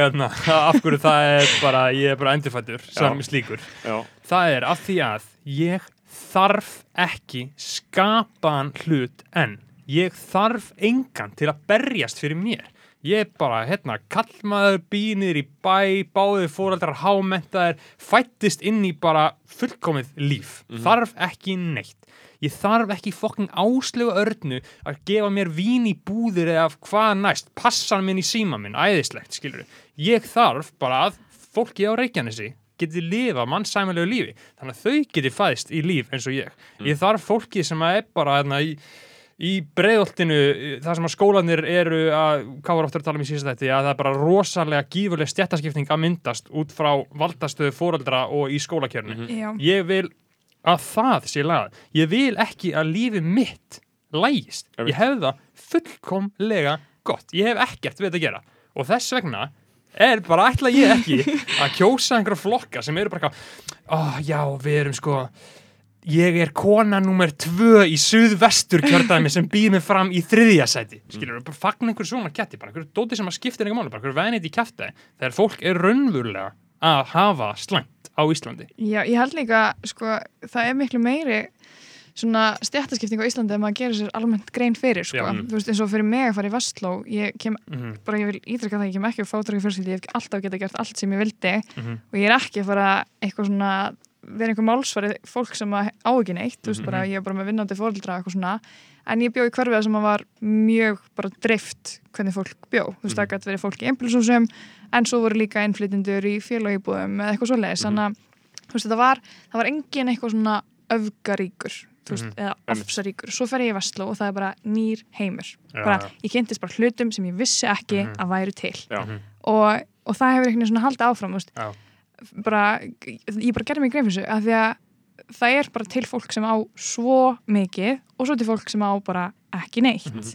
og þetta er alltaf að aukast af því þú veist, svo líka fyrir háskólanám það er allt börn háskólamentaðara og þeim farnast betur, þau kunna að, þetta er bara leikur, veist, þau Já, bara já. kunna Já. að feta sig Já. Mhm. og vita hvert þau að fara og hvað þau þau að ef þau eru gera ykkur vesinni þá er það bara eitthvað hringdu bara í hennar kennara Já, eða þú eitthvað, veist- þú veist, það er bara eitthvað Mhm. og ég fekk alveg kvíðakast við þessu ég byrjaði í Vestló og svona, ég Mhm. bara, vá, þið getur bara ringt í einhvern vinn, pappi ykkar Mhm. og fengið vinnu, skilur þú veist, kannski minna vandamál en maður heldur, en, en þetta snýst líka um umhverfið þitt og sjálfströst og hvernig Mhm. þú einhvern veginn treystir þér að spila þetta kerfi sem er búið að setja upp, sko. og bara hvað, hvað þú hefur verið samfærður um í gegnum tíðinu um að þú eigi skilið. Já, skilur og, og, og bara hvað er erfitt að gera og hvað er létt að gera sko. þetta, Mhm. er, það, þetta er eins og það þú veist að uh, ég tala, tala við sálfræðingi minn um þetta að uh, við einhvern veginn komum upp á því að ég er alltaf að gasa hana. Skilur ég er að borga henni fyrir það. Uh, en við tölum aldrei nokkuð tíman um neitt vinnu tengt hjá mér. Ég er bara að gera þessi podcast og framlega þetta, þetta, þetta, þetta. Það setur allt svo fokkin auðvelt fyrir mér af því að ég sá alltaf bara með pappa bæði bara að vera að gera það mjög auðvelda mhm, þau eru bæði bara að vinna sína vinnu bara mjög léttilega og allt svona. Og út af því að ég sá það, þá einhvern veginn veldi ég því ekkert fyrir mér hversu erfitt það er, það hefur alltaf verið bara svo mikið autopilot í því öllu. En það er alls ekki þannig hjá öllum. Og, þú, og það er einmitt það sem við talum um eins og með háskólanamið þú sérð fóreldreina að fara í háskóla. Þá Mhm. getur þú vantilega létt til að fara í háskóla. Mhm. en sumum bara hafa ekki séð það rosalega lengi. Mhm. og þá, þá fara í háskóla er svolítið bara abstrakt hugsun. Og líka bara, þú veist, það að geta að fara í háskóla, bara sumir sem að neyðast til þess að vera að vinna, Mhm. veist, ég get bara búið með mömmu minni með leilabróðum mínum og Mhm. haft það fyrir eitthvað fínt, sko, og svo Mhm, vinni einhverja auka vinnu og svo peningur að og ég hef það bara drullu gott með marga veist, mm. það er alveg dæmum að fólk getur bara ekki farið í nám út af því að það þarf Já. að vinna fyrir sér sko. og svo er líka með, með með brottfall, umræðanum brottfall er alltaf og þú veist hvenar fólk dettur út úr skólakerfinu og hvenar það dettur út úr uh, mentaskóla, það er þar, það er þar sem fólk getur dottið út og það er algjörlega bara vísendarlega rannsakað og þaul rannsakað og þaul sanna það bara fyrir nákvæmlega eftir viðþórunum sem eru heima hjá þér, þú veist já, einstaka manneskjur eru með eitthvað skrítin styrk í sér og skrítin viljastyrk og eitthvað skrítið, eitthvað, skrítið drif skilur, til þess að til þess að fara handan þeirra aðstana sem þau alast uppið aðrir eh, það, það er ekkert í eðli fólk sem vera með eitthvað drif sem drífur því handan Nei, aðstæðana það er bara fólk vill bara, það bara fæðist og ætlar að lifa eins lífi og allir hafa lifað Uh, þannig að það er einstaka manneskjur sem Mhm. við, lá, og við tökum þær manneskjur og Mhm. látum eins og þær sanni að þetta kerfi virki skilur, en þær þurfum þetta drif þannig að aðstæður eru það sem ræður fyrst og fremst. En það er líka svo hættulegt ef þú tekur einhver svona eina manneski út fyrir svega sem að lendi í einhverju sitti eða Mm. kemur einhverju sitti aðstæðum og ætlar að mála hana upp sem eitthvað posterchild fyrir allir þessum aðstæðum. Þú veist, þetta er ógislega skadilegt Mhm. og ég hef alveg verið, ég mann þegar ég fór í Vestló ég gætti beturlið og þá kom kynjakvota umra veist, ég var Mhm. busi, ég er búin að vera kortur í Vestló Mhm. þá ætti ég að sanna það að það þyrfti ekki kynjakvota í leiðið akkurat og Vestló bara fór ég, veist, í dag, ég skildi ekki til þessu umræð þá en í dag skildi ég hvað þetta galið en ég veist alveg, ég var ekki góð í gætti betur sko. ég var enga veginn manneskinn til að vera póstertjald fyrir þetta, ég bara tók eitthvað próf og það gekk vel Mhm. þannig að þú veist, við getum ekki einhvern veginn látið eina mannesku afsann eitthvað samfélagsmein Nei, bara því að hann, hún spjaraði sig hún var með einhvern viljastyrka, einhvern styrk innra með sig til að gera þetta, einmitt. af því að þetta er það- allt aðtökabundi að það er líka, einmitt förum við líka bara að færa umræðina sko frá því að laga aðstæðunar og yfir í að laga fólkið sko, mm þannig erum við að segja bara, þið verður bara að laga ykkur því að við ekki að laga þessar aðstæður. Já, og það fólk er bara að fara í gegnum fullt að setti og ég fæ ekki betur séð. Ég, ég er alltaf að lesa einhverja fréttir um það og greinar og, og Twitterfræði á, á strullaða sósialíska fítinu mínu á Twitter eh, um að, skilur þú veist það var eh, þessi, þessi svona klassiska klísja með að posta screenshot af fyrirsögn sem er skilur biljónamæringarnir grættu 37 miljón já. dólar nei, biljón dólar í COVID og Ég að segja svona 13 ég líka, ég líka. Í, og, og, mismunandi miðlum. Og, og verkamennir og verkamennir töpuðu 37, eða svona Já. töpuðu því sama og það er svona þessi pæling með að það sé bara stöðu yfirfærsla á eignum bara áfram áfram, við séum bara með kerfi sem er bara að arræna Já. eða hvernig sem við vorum það fólk Bara 100%. versus það að bara taka til sín og, og að ójöfnur sé að aukast að, að það sé staðarind, ég veit ekki hvort þessi staðarind ég, ég, ég held, ég, mér skilst það. Það- það er- það er Ég- ég er ekki vísindabæður, ég er ekki hagfræðingur, ég hef ekki lesið nýja rannsón sem eitthvað svona út af tekur því að bara uh, el kapitalismo kapitalíska kerfi sem við búum til það bara gerir það þannig að því meira sem þú átt því auðvöld er að fá meira Já, já, Já, því þú bara hefur svo- bara sorsuna til að bæta við sko. já. en ég held líka að kapitalismin sé ekki að hugsa út í hvað þetta mun kosta okkur endanum, Nei. skilur við það Einmitt. er bara fátækt kostar, atvinnuleysi kostar allt, fyrir hlutir, já, bara heilbriðiskerfið, þú veist, það mun að líða fyrir þetta, Mm. að því fólk er bara kvíðið og það er að vera í burnout og veist og svo, það er bara svo margt í samfélaginu sem er hægt og rólega að drepa okkur veist, Mhm. þetta er til með sósialistin í mér það sem ég bara fer í einhverja hugmyndafræðilega pælinga með þetta, að þú veist geti ímyndið ykkur hvaða áhrif kapitalismin og samfélagsmiðlar og allt þetta er að hafa bara á líf fólks í dag, bara okkar kynnslóð við erum fucked up eftir þetta sko. Já, einmitt. geti ímyndið ykkur börnum sem Já, koma eftir okkur. bara, Ég get ekki hægt að hugsa um þú það sko. þau bara Já. sitja og þau hafa ekki gaman að þessu ég, ég ætla ekki að fara að setja litla bróðum minn á the spot en ég horfi á hann í TikTok hann brosir ekki, sko. Er bara, hann er bara að skrolla af því hann bara kann ekki að eigða tímunum í annað. Þau verða heilalösa Já. vofur. Já, og bara þetta er bara, þetta er bara gett eðlilegt fyrir þeim, þú veist, ég sko svo þakklátt að vera í grunnskóla og svo bara bannaður með síma og eitthvað svona, að því að erum náttúrulega kunnum kannski mest á eitthvað svona presentation og eitthvað svona, en við erum svona öll ógisla kvíðin út af þessu og við kunnum ekki að tala um tilfinningar eða eitthvað, því að við sjáum bara allt sér svo gott og flott og ef okkur liður illa það bara hvað er okkur? Ég held að þetta sé að að sko að- að valda verulegir vanli- vanlíðan sko. Og við vorum líka ég held líka að svona, ef við tölum um svona langtíma afleðingar af bara öllu sem við erum búin að tala um þessu neyslu minstri og veist, við sitjum inn í einhverju podcast og erum að tala um já. ég, veist, ég lifi síðan bara einhverju lífi sem er bara alveg gagstætt öllu sem ég segi bú, já, líðandi ég er bara er einhver bara, þetta er bara einhver skaldskapur ég er bara eitthvað sósialískur fjár, fjármaks eigandi við erum er, alltaf, er fullkomin, þetta er fullkomin hræsni í gegn en, en ég held að umræðan skaði ekki. Já, Nei, þó að svo nei. sé. Nei, nei. En, en til mér sem minnst að lofstastæmi, skilur, þú veist. Já, ég meina loftslag, það eru hundra ár eftir. Það eru hundra ár Já, í það, það, það, það, það er bara fakt. segir hver Já, já, ok, Seg- segir seg- einhver segja einhver- vísindamenn, já, já, Sko, ég, ég hef einmitt svolítið verið að hugsa um, hugsa um það upp á síkast ruslahugana Já, ruslahaugana og bara helskeipið sem við erum að fara, fara í sko. Við erum bara að fara að drepa fólk ekki, ekki eftir langa Já, tíma sko, það er já bara, og, og ég er aðalega bara það er svo erfitt fyrir sko Íslendinga og bara mér sjálfan að hugsa þetta í einhver svona alþjóðlu samengi út af því að náttúrulega þeir sem að finna uh, mest fyrir uh, loftslagskrísunni og loftslagsvanni, það er náttúrulega fátæka fólkið já, við erum síðust í, í, sko. í, í Suðaustur Asju Mhm. Já, og ég meina hjá okkur aflengunir eins til dæmis ég, ég sá þetta einhver staðar allir bara flateri, öll snjóflóðin og allt þetta sitt, skilur það þurfi bara að leggja af byggðið þarna á Mhm. næstu árum að þetta mun bara halda fram að þróast og bara verða verra og verra og verra já, já, og, fólk bara missir heimilið sitt sko. og í þessu, í þessu, þú veist, eh, í þessu hamfara hlínun, þú veist, þá eru að tala um líka bara að eh, heilu landsvæðin eru bara að fara að, skilur þú veist, jörðin hefur bara ekki, eins og ég var með grein, ég, með grein hérna frá Guðmundi Stengri sínu sem skrifur fréttablaðið, King Pundit, eða svona eh, í flestum atriðum og hann er bara, að því ég var bara að lesa þetta í morgun og við erum að tala um Mhm. þetta á loftastæðinni, þá segir hann sko, hann er að tala um að uh, jörðin hafi ekki verið heitar í 12.000 ár sem er alltaf, eitthvað svona, þetta er alltaf eitthvað Ab- statistík ab abstrakt sko. ég skil þetta ekki alveg skil, ég, veist, en, en hann er að segja bara, þú veist, jöklar bráðuna meira en áallar var skóareldar eru rosalegri tundra þiðnar með mögulega keðjuverkandi hörmungum öfgafull hamfaraveður, stormar og þurkar herja á viðkvæm samfélag og sérst, bara svona líta þessi áhrif út og þau versna bara Já. versna og þetta er, þú veist, ef að einhver, eitthvað sitt bráðnar einhver staðar, þá bara kemur eitthvað flóð yfir einhverja fokkin byggð og þá bara Yep. eru allt í hennu miljón flóttamenn einhver staðar Já. sem þurfa síðan bara að koma einhvert, þetta er keðverkun skilur Þa, þetta verður einhver það, keðjuverkun það sem að heipan er að segja, við erum öll eitt. Þa, það er rétt í þessu En erum við ekki þá að byrja að hugsa um þetta aftur núna fyrst að COVID er búið eða? Jú, lofstafskviðin kemur eftir þá sko. Veist, við fengum, þetta er náttúrulega COVID-kvíðin er ógeðslega sjálfhverfur mm. að mestu sko, þetta að er því að mann svona- leiðist bara mikið. Já, ég má ekki fara að djamma, Mhm. ég veist, það er ógeðslega leðilegt, æska ára mín farin, þú veist, Mhm. þessi stemming, Já. svo fer maður bara lofslaskvíðan á 200 km hraða aftur. Já. Já, færið þú loftasku hérna?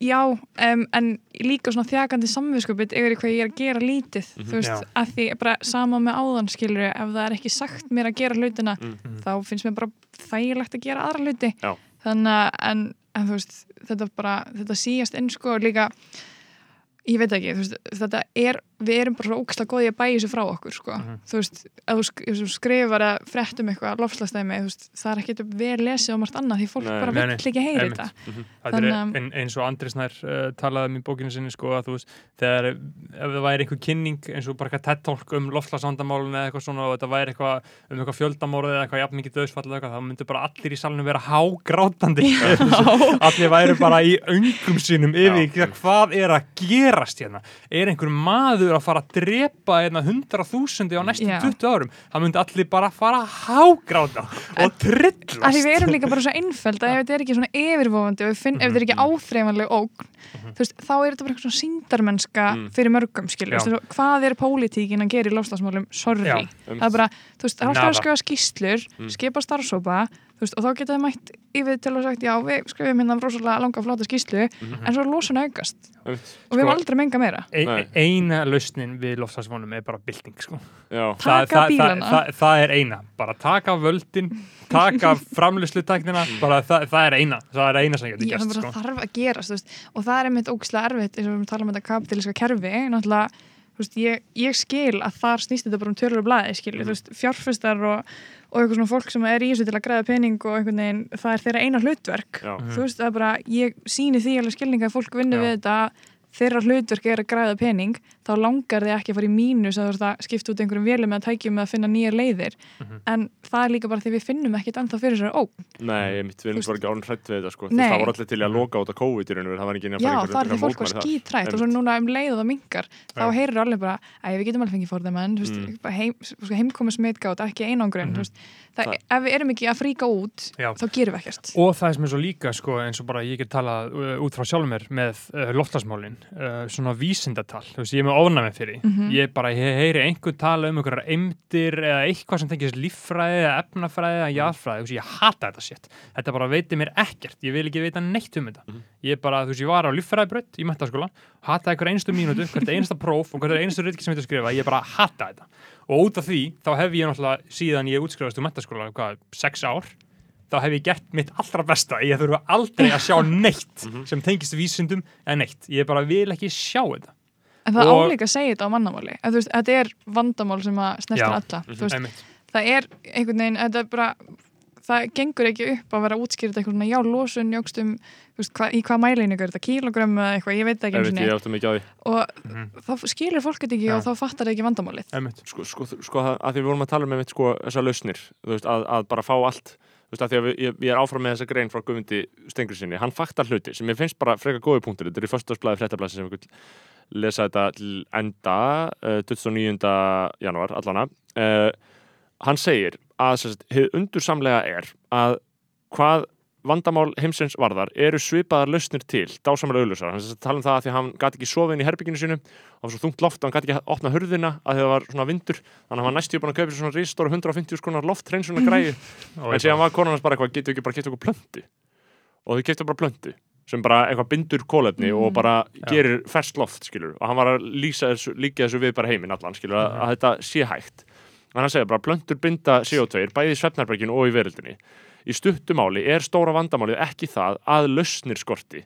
Mannkinni er ekki ráðalaust það er ekki vandin, vandamálið felst, felst í hindrunum hefða höfafars orku og peningum, ofnbæru skattfið er beinilins stemt, stemt í verkefni sem auka vandan en ekki verkefni sem leysa.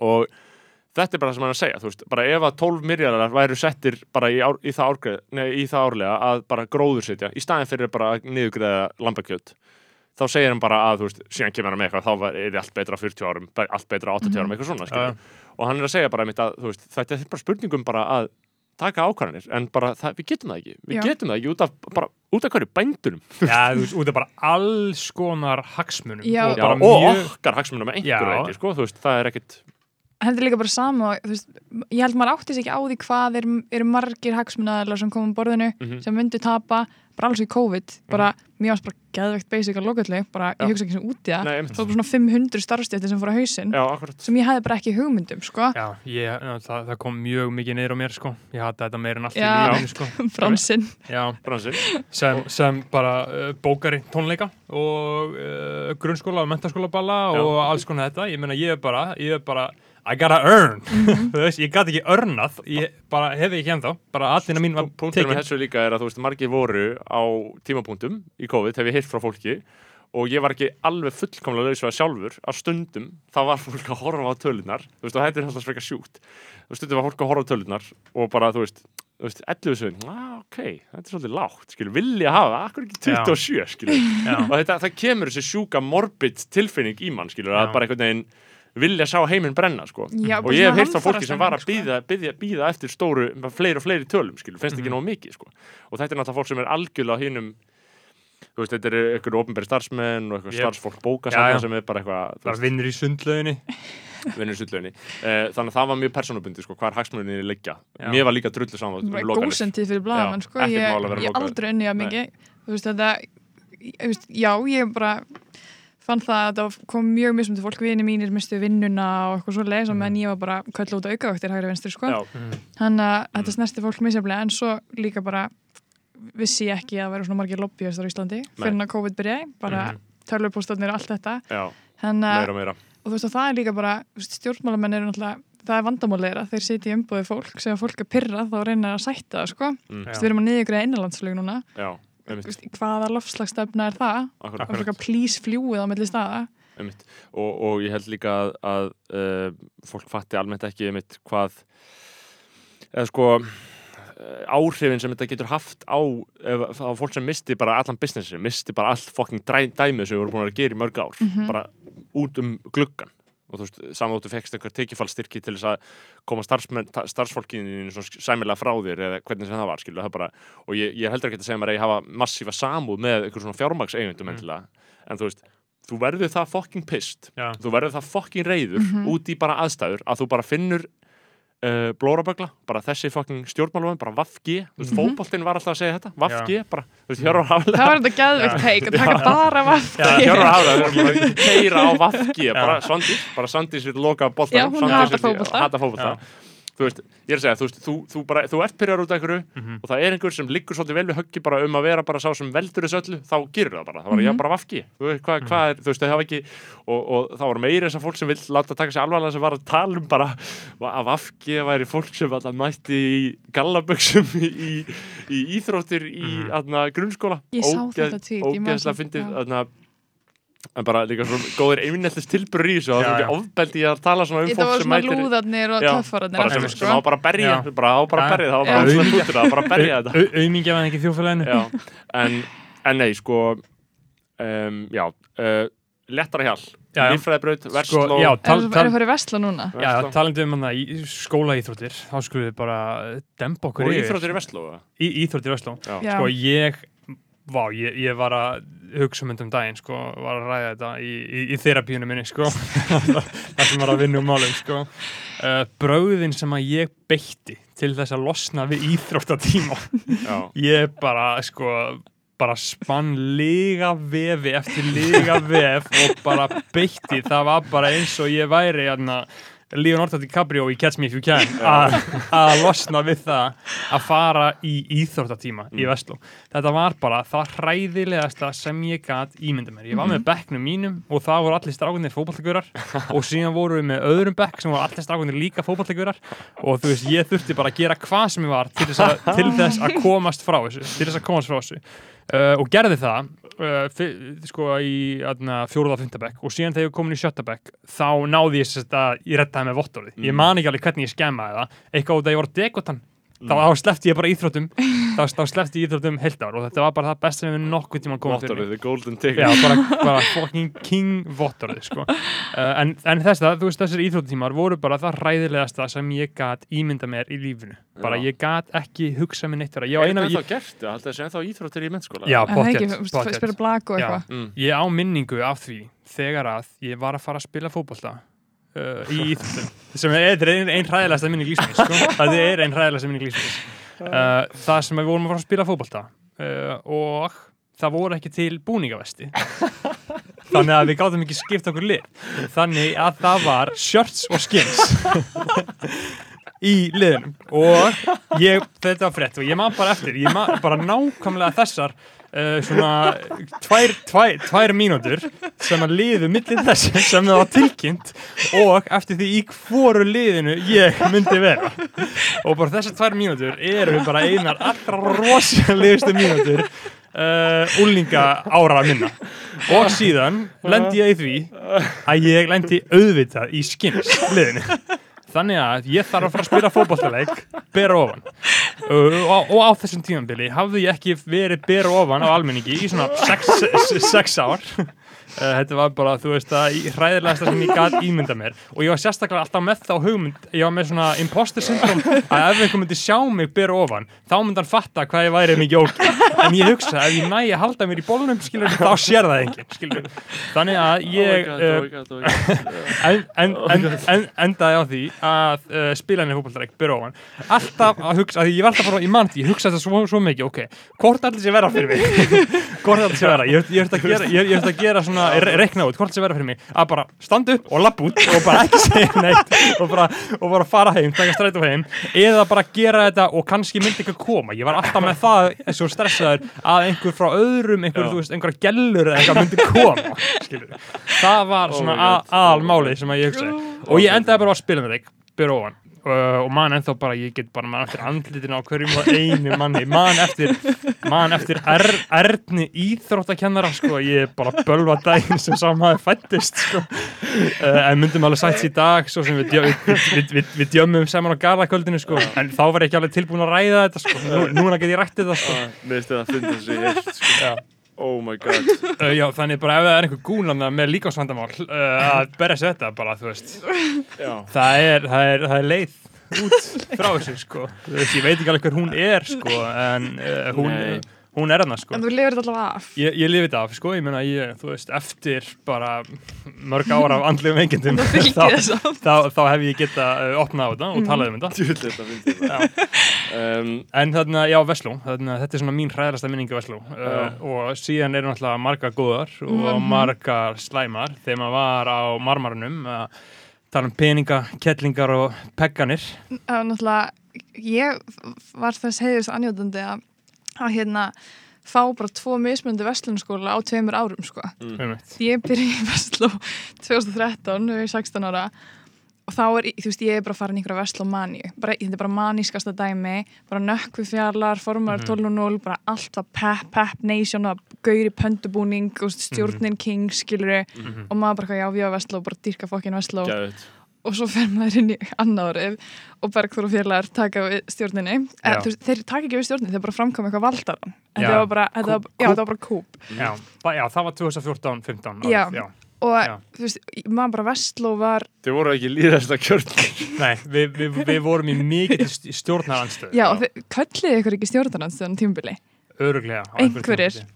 en ég man bara, það var, Tæpa, tæpa, tæfta þessi pólitísk vitun til þess að búa til þess að liðstæði en já nei, þú veist, og það bara Vestló var í frettum á vísi hverja einustu viku Já, um, þú veist, það var reikvél sem fór í gang það var gaman í nefndakjallaranum og það var farið lítalíu limó og eitthvað svona mhm. og þetta var bara kvíðavallandi ár fyrir okkur sem vorum bara hana áhörvendur sko. Almenni borgarar Já, við höfðum ekkert mikið, þú veist, þetta, ef það voru einhverjum svona fundir í bláasal, Mhm. Það sem þurfti að taka einhverju umræðu, þá var það bara, maður vissi að það var alltaf fara að springa sko. Mhm. Þú veist, að þið sátu líka alltaf á sama staðinum í salnum. Mhm. Sátu alltaf vinstra megin, saman, Mhm. og svona hölluðu ykkur aftur og maður, svona, bara svona beið eftir hver er að fara að vera ógeðslega leðilegur núna. Já, sko, ég er ekki alveg búin að komast yfir skömmina sem, að- sem, að- sem að fylgi að hafa uh, tekið þátt í þessu Ég segi, ég segi svo Guðni T.H. sagði við Guðmund Franklin Ertu stoltur af Franklin? Já, uh, nei, en þú veist, þú horfður tilbaka, það voru þetta allt bara ógeðslega kviðnir og óryggir Þeir eru góði Eh, menn í dag sko. Já, já, en þú veist, þarna er þetta bara gauðra sem einmitt get ekki farið úr bólnum í íþróttartíma, skilur, þú veist, rosalega mikið operita út frá óryggi Er þetta mesti kvíða aldurinn í lífi fólks? 15 Já. til 20, eitthvað þannig? Já, ég held líka bara sérstaklega, ég held að þetta sé alveg sérlega vant við strákum, sko. Mhm. Bara, það, þú veist, það, mér er mjög umhugað um stöðu drengi og sálarlífs þeirra, sko.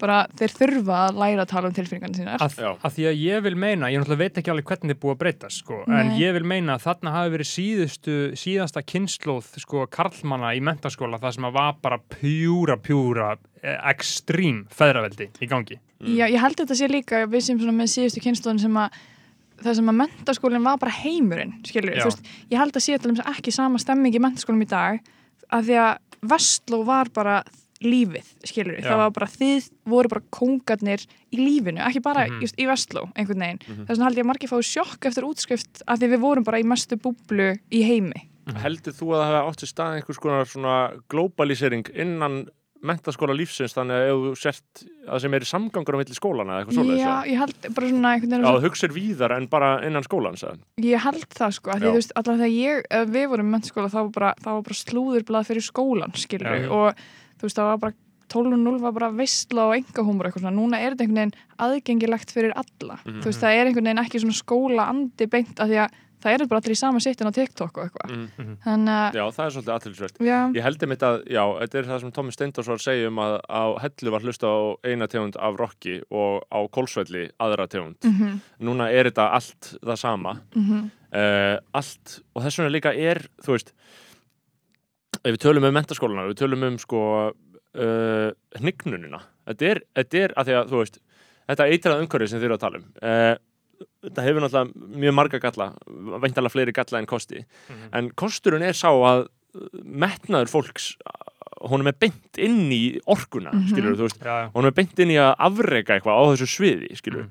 þannig að hnignunin, hún felst í því að og hún er sjáanleg, hnignunin er sjáanleg að það er öllum drullu sama um hver vinnur Morfís hver veit hver vann Morfís síðustu fimm ár? Það er öllum Mhm. drullu sama hver vinnur getur betur. Getur betur er svona hefur lifað þetta hvað best af, myndi ég segja. Uh, aðrar kettnir, annað dæmi. Vissulega er ég bara orðin 23 ára alveg að vera 24 ára uh, og er bara ekki, veit ekkert hvað er að gerast þarna, skilur en ég mín tilfinning er samt, ég er að þjálfa getur betur og mín tilfinning af þessu fólki er samt bara af, af mentaskóla liði af mentaskóla bara aldrei er samt svo að þetta, það er ekkert sami andi í þessu og var áður. Skilur hvað við þarna sorry, þannig til eru bara einhver svona samfélagi Mhm. það sem að þú, það er einhvers, til einhvers að vinna, skilur Já, Þú ég held bara í dag sé fólk miklu meðvitaðar um hvað er mikið peð Já. þú veist bara í stóra, stóra samíkinu það, það var alveg smá gott að vita að það var einhvers konar samkefni það var, þú gast einhvern veginn mótað sérstöðu skilur var sko komist til metorða já innan og það þessa skipti máli hvaða típa þú varst einhvern veginn, þetta var svona gott svona sýnisvotn af lífin einhvern veginn Mhm. að, að þú gast verið að kynnast fólki og þú tilherir einhverju samfélagi sem fólk vissi eitthvað um þig og svona fækst svolítið að móta þessum einstakling en ekki bara eitthvað sem er alveg mikilvægt, ekki bara eitthvað svona, svona pínlítið peð í risa heimi það sem að eru bara þúsundir jafnaldræðina skilur Já. þannig að varstu bara eitthvað hluta af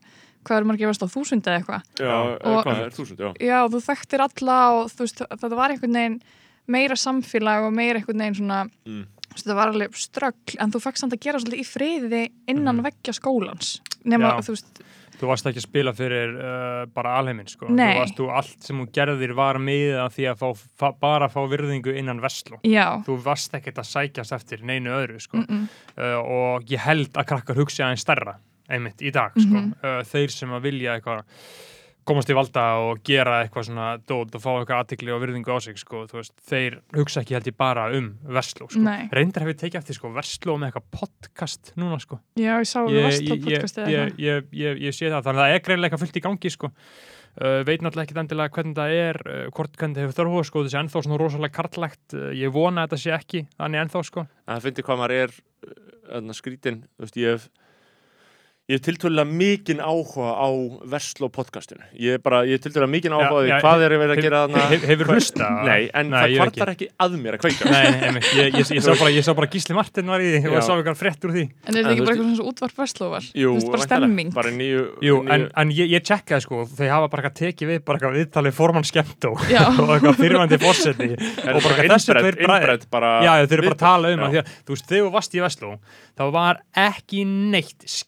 skemmtilegra en til dæmis þú varst á næst síðast árinu að hugsa hverjir er að fara að bjóða sér fram í þetta Mhm. og hver er að fara að gera þetta. Nei, þessi er ógeð, þessi er mestari þetta er að fara að gerast þarna og í rauninni þarna uh, þessi rosalega valdabaróta í þessum nefndum, þessum Mhm. stjórnar nefndum þú veist, þetta er náttúrulega bara ríkistjórn Þetta er bara status að komast inn í þetta Já, þetta er svona ro rosalega status sem fylgir þessu og svona og, og auðvitað rosalega mikið spilling í þessu líka viðtöl skilur og þú veist að það er alltaf Það er svona náttúrulega einhver hilarious að það sé tekið inn í gegnum viðtölu Það er ennþá gert eða? Já, en ég meina það ko hluta. kos kostningar er samt alveg jafn mikið bullshit Já. skilur því þá kemst alltaf hæfast þið bara alls ekki inn sko. sko. þegar við vorum þá sko fækka þeim sem komst inn í kostningu og fjölga Já. þeim sem komst inn í viðtölum sko. Já. Mm.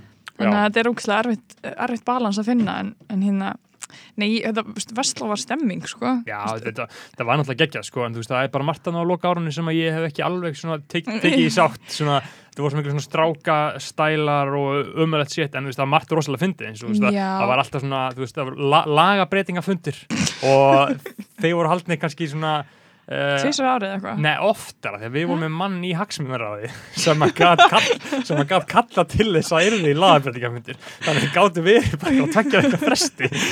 Þess vegna voru svona margir í minningunum. Mér fannst ég alltaf verið í bláa Já, út af því að bara Sveppi var í hagsmunaraði og hann gæti alltaf bara kalla til lagabreitingafundi og síðan var svo fokkin myndi og á þessum lagabreitingafundum þá var bara verið að breyta alls konar dóti eins og að breyta uh, uh, Það er gauður sem hétt Sigurður sem vildi skýra þetta sér. Gerða það? Það tókst, já, en síðan var eftir, afturkallað eitthvað og að breyta íþró í eitthvað, ég man ekki, það var eitthvað Hestafélagi legendir í kókamölkur legendin það var, var eitthvað svoleiðis. Og, og, og síðan sko langt finnasta sem það var gert sem að mér finnst ennþá bara rosalega fyndið sko, er að það var svona lagabreitingafundur í hátíðinu uh, og þetta var orkestritið þannig. Að á sama tíma voru prenti út plakkut og límt út um allt að Jón Jónsson og Frikki Dór væri að spila Já. úti á bílaplani á meðan lagabreitingafundurinn var. Að þetta var bara A-klassa voter suppression til þess að vona sem fæstir mættu. Já. og þá gætu við allir bara mobba þangað inn.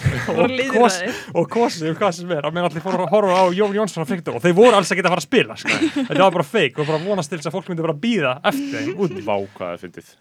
En, en þú sérð eftir ímsu, sérð þú eftir einhverju vestlóður, Silja? Um, Hverju hver, hver, hver, hver færðu svona smá í Va- magan yfir? Sko, mér finnst mjög Þú veist Ég hef tilenga með það að vera ekki að sjá eftir mikið af hlutum sem ég gerði í fórstíðinni Mhm. og svona, ég er bara með eitthvað svona aðrileysi gagvart því bara gagvart hlutum sem ég get ekki breytt Mhm. um, ég veit ekki, þú veist ég alltaf var ungur feministi og kannski fór stundum fram úr sér mm. ég var alltaf bara fastagestur í brennslinu á sínum tíma Já, um, en það var náttúrulega líka svolítið fyrir tilstölan þessa hóps. Ég man eftir, eftir mómentinu sem ég varð feministi Mm. úr Vestló það var þegar átti að setja Bechtel-prófið mm, inn í lög eða eitthvað svona. Og, það að, og ég vissi ekki hvað Bechtel-prófið var. Ég hefði bara aldrei heyrt um þetta. Og svo var það eitthvað svona útskýrt á fundinum og þannig við útskýrum það, þá var Bechtel-prófið svona fyrirbæri sem uh, spratt upp, sem var próf sem var notað fyrst og fremst aðalega upprunlega til þess að skoða myndir sem voru þegar til já, sína kynni-halla og eitthvað neins bara, svona þú veist, af því að þá ser maður, þú veist, af því að ef mynd stendst ekki Bechtel-prófið, þá eru sérst ekki tvær konur sem tala saman um eitthvað annað en Karl já, nafngreinda konur, Mhm. eitthvað svona og mér fannst þetta svo basic Mhm. og mönnum fannst þetta ekki basic og fannst þetta bara einhvers konar kúun Mhm. og þá varði ég sem sagt officially kölluð feminista því ég var að rífast við eitthvað fólk Já, um, sem var gaman um, Mhm. en nei, kannski meira bara eitthvað svona kúltúrin sem að tók þátt í einhver Mm, já. svona, þú veist, sita á marmarunum til einhverju klíku, þú Mhm. veist að því að það var bara eins og Beggi segir, bara feit spilling í gangi í Vestló, sama fólki komst inn í allar nefndir og Mhm. ég meina þegar ég fór að lokarum mitt, ég vissi ég hefði frí passin í allar nefndir veist, ég var bara í kókumörku góðsögnum og ég var líka í Vestlónskólablaðinu og, og svo var fólk kannski sem var bara vel hæft einhvern veginn sem aldrei komist inn í þessa hópa Mm. Þú veist, það er svona, fannst mér leðalegt sko, Já. af því það var fullt af hæfu fólki sem fekk ekki sjansinn Mm. og það var bara svolítið annarkvæmt náður lestin eða ekki sko Mhm. já, að, það, já það, það var þannig allstaðar held ég já, Já. það var svona, ef þú náður einhvern veginn að stimplaði inn snemma, fyrsta, annar ári skilur Mhm. kynast einhver svona rétt á fólkinu þá fekkstu alla sjansa í heiminum sko Jep. og bara ótrúlegasta lið sem að fekk að gera bara flotta hluti í Vestló Mm. en svo er fólk sem kannski búið að bara harka og vildi komast inn og fekk ekki komast inn sko. það fólk fyrirgefur Martaði næru þetta fyrirgefa en sumir ná ekki alveg fyrirgefa Nei, þetta nei. heldur líka sem er, sem er náttúrulega e, ekki góð tilfinning til að hafa í Já, maðan sko. og, og þú veist í, mín, í mínum argangi skiptist þetta rosalega mikið í svona flokka og fylkingar og hópa, sko, þú varst bara í þessu liði eða þú varst í þessu liði, sko, þú varst þarna eða þarna, þú varst með stjórninni eða þú varst á mótinni skilur, og það er eins með það þú veist að við fórum, uh, ég og Aron uh, að búa til 12.0 nefndina, þá voru þeir sem voru að móta okkur, þú veist, þetta var bara þú veist, það var skiptið sér rosalega mikið í hvora liðinu þú varst þar sko. Mhm. Já. og, þú veist, og það var bara, það, það voru sá sem að greru ekkert einhvern veginn eftir í Vestló sko, Mhm. bara í útsettarferðinni sko. en, en það var fyndið sko, já, ég og bara alvöru pólitíka sem fólk fór Já, já. móti einhverjum öðrum já, bara, Það- bara ro fórst- rosalega valdabarata það fóst á móti einhverjum skilur, og þú bara, það, það, fólk gleymi því ekki alltaf maður gleymi því samt, eða sko maður fyrir síðan eftir á bara, ok, þetta var bara leikurinn skilur, þetta var Mhm. bara leikurinn og þess vegna get ég oft ímyndaður þegar maður ste- sér stundur sko einhverja gamla pólitíska mótærja sem voru Já. bara í alvöru hörðu stríði gegn hver öðrum, Mhm. bara sættast já, en fólk bara hefur þetta í sér sko. já, þú þarf bara að vera eins og bara Ómar í The Wire bara all in the game, jó Já, it's all in the game all in the game Ég hugsa líka með að þú varst að tala um sko hvenar þú varst feministi eh, þetta var meiri háttar sko drama Mhm. ég man MR þú veist við byrjuðum náttúrulega væntalega þá í bæði, ég MR þú í Vestló 2013 Mhm. eh, og þá var sko öll stemningin þannig að MR væri tölvöld lengra komin í sko, já, köllum við bara jafnbrettsmál, feminisma Mhm. á þessum tíma en Vestló og við vorum með það á heilanum að Vestló væri ennþá sem hann var Mhm. og Já. MR líka en við sáum alltaf ekki bjálkunni í einn auga eh, einhvers konar svona karla eh, klíku stopnun og við vorum alltaf að tala um þetta ég, var bara, ég lá á Twitter og var bara eitthvað að eins og segi, þessi tweet hafa verið grafin upp. Það hafa einhverjir þarna, Einn ein king, Jóhannes Óli. Hann, Já, hann er, hann er mjög góður í að grafa þetta. Twitter þarna, ég það sem að ég er eitthvað að fara á kostum á Twitter á móti bara einhverju saklusu fólki sko. uh, og það var svo mikill kraftur í þessu. Þetta var 2013 og síðan var 14 uh, og síðan var náttúrulega friðið nippul það var, það var 15 það náði þetta allt hámarki, það hefur líka verið grafið upp. Það er náttúrulega meina- finnast það umræða sem hefur tekinni skoðan þegar þið lásið þau tvít. Ég get ekki lesið þau. ekki að finna að þú getur fundið myndir af bara vinum mínum úr Vestló það sem hefur voru bara í svona bólum en kliftu út gerurvölduna Já. þannig að þú voru bara venjulega bólir en þú kliftir þannig að gerurvölduna sjá, sáist bara einn solidarity með fríðin ykkur hreyfingunni þú veist, það var bara eitthvað, allt í einu eruðu allir bara eitthvað feministar, eða allt í einu á einu kvöldi eruðu allir á Íslandi bara einhver, einhver turfs sko. Þetta var svolítið sérstætt moment Já, þetta, var, þetta var bara einhver svona bylgja sem á tímunni líka var svolítið erfið sko. Mm. af því svo fór fólk að keppast innbyrði sem hver var í mesti feministinn Já, og eitthvað svona, það var bara svolítið súrt í lokin, þess vegna held ég líka sér svo erfitt að skoða þetta í dag. Já, af því að þú veist, það voru allir bara eitthvað all out í þessu, bara Einmitt. á netinu alltaf að koma með bestu það var svakalegt sko. Uh, ég hugsa sko, ég er að hugsa hvort þetta hafi verið vegna þess að internetið sjálft og samfélagsmeila sjálfur voru vannfroska fyrirbæri, hvort að við höfum verið vannfroska, hvort að þetta sé hvort að þetta hafi sko vaksið af fyrirbærinu með því að við urðum eldri eða þá að bara nýja kynsluðu séu alveg sömu skotgröfum ég held að það séu alveg sömu skotgrafir í gangi, ég held að Já. þetta sé ekkert eitthvað öðruvísi sko já ég, veist, ég meina, það snerist líka bara svo um maður fekk svo mikið svona instant gratification skilur, og gæti sett eitthvað á Twitter og þú fækst bara 100 like, Mhm. skilur, Mhm. og 200 like og það var bara eitthvað, þú veist, þá var þetta og þú veist, það er ennþá svona fólk á Twitter, skilur sem er bara stanslaust að like hjá hvort öðru. Já. og manni líður eins og Twitter hafi þróast yfir það en held bara svona maður sjálfur hafi fjarlægst þetta meira. Já, að því þú getur alveg fundið einhver svona kreðsur á Twitter sem fólk er bara eitthvað að spjalla, skilur. Já, bara ég fór í búin dag og var leðileg kona og svo allir bara eitthvað umulegt Já, það, það, er alltaf læg Já, og, veist, og maður gerði þetta sjálfur og ég held einhvern veginn bara, já, þetta var bara eitthvað svona í gamla dag, en veist, þetta er einhvern veginn bara maður sjálfur þróast með miðlinum og bara okkar kreðsa notar hann öðruvísi einhvern veginn í dag. Já, þannig að, veist, við erum alltaf bara erum líka í gæðvægt mikilvæg búblu. Við erum bara með okkar eigin reglur í okkar Já, af 200 því að- manna kreðsu ég man þegar ég var þegar ég var ungur uh, og, og lifandi en þá veist, á þessum aldri, veist, þá, þá, þá var svo mikill eldmóður í manni, maður bara held að maður held að eitthvað hefði þýðingu sem maður var að gera og síðan svona rann hægt og hægt upp fyrir manni og sífælt meira að kannski ekki hafa það ekki, en hugsanlega hefur það vissulega því við, við erum ekki algjörlega í nýhilismannum hérna, við erum hætti við það. En ég man að maður hugsaði, þú veist uh, þetta skiptir allt máli, þú veist, þetta er bara við erum bara hérna í veislu og það, það er breytingar. Núna er samfélagið að breytast og það mun breytast og verða gott, Mhm. ég man bara að hugsaði bara, þetta verður gott Mhm. þegar þessir allir þessir gömlu kallar deyja. Ég var alltaf að hugsa þetta, þegar þetta fólk fer og hættir einhvern veginn, þá verður þetta allt gott. Þú veist, ég hafði þessar hugsunir raunverulega. Núna er ég bara, ég týsti yngu á Twitter ef það sé bara eitthvað grín um eitthvað kaffepopa, þú veist, þetta er bara eitthvað ekkert. Þú veist, þetta er bara eitthvað súrt og og sorglegt og, og ég hugsaði, ég man þegar ég var á, á þessum aldrei sem ég er að tala um, þegar, þegar það var eldmóður í mér þá horfði ég á fólki svo, ég, sagði, hvað er eiginlega að þér? Hvernig getur verið svona metnaðlaus fyrir umbótum í samfélaginu? Ég hugsaði það um eldra fólk, skilju, hvað, akkur, akkur ert ekki fucking hérna á vígvellinu, skilju, hvað, hvað er að þér? En núna er ég komin hérna, þannig að þetta er svolítið sérstætt sko, og ég hugsa, ég efast ekki um að margir sem hlusta á hana þátt, hugsi það með mig, bara hvað er að þér? Það er alveg hægt að breyta hlutunum, Mhm. Þú veist, það er alveg hægt að gera, láta eitthvað gott gerast, sko, en, en það er bara svo það er bara eitthvað svo, mér finnst það bara eitthvað svo vonlaust sko, en, en það er bara svo Mhm. sérstætt sko. Það er eitthvað við hann aldur sko. Eins toxic og þetta er, þá er þetta líka þú veist, að eini aldurinn, eini, glugginn fyrir fólk til þess að raunverulega sko vilja trúa á breytingar, trúa á umbóðir sko. Já, því nú, maður verður svo samdöina kerfinu, Já. sérstaklega í mentaskóla þá hefur engar skildur, Nei, ekkert sem þú gerir skiptir þannig máli en þú trúir því að skiptir máli, sko. Þú veist, verður bara fullorinn og þarf að axla einhver ábyrð á hvað, hvað námallegi, hvað Mm. er alltaf ég að vinna, ég þarf að borga skatt og þú hefur bara ekki orkuna í þetta. nei, Að því þú ert einhvern veginn bara í þessu kerfi sem hitt gamla fólki að komið í þegar okkur fannst gali að þau voru ekki að taka slægin, sko.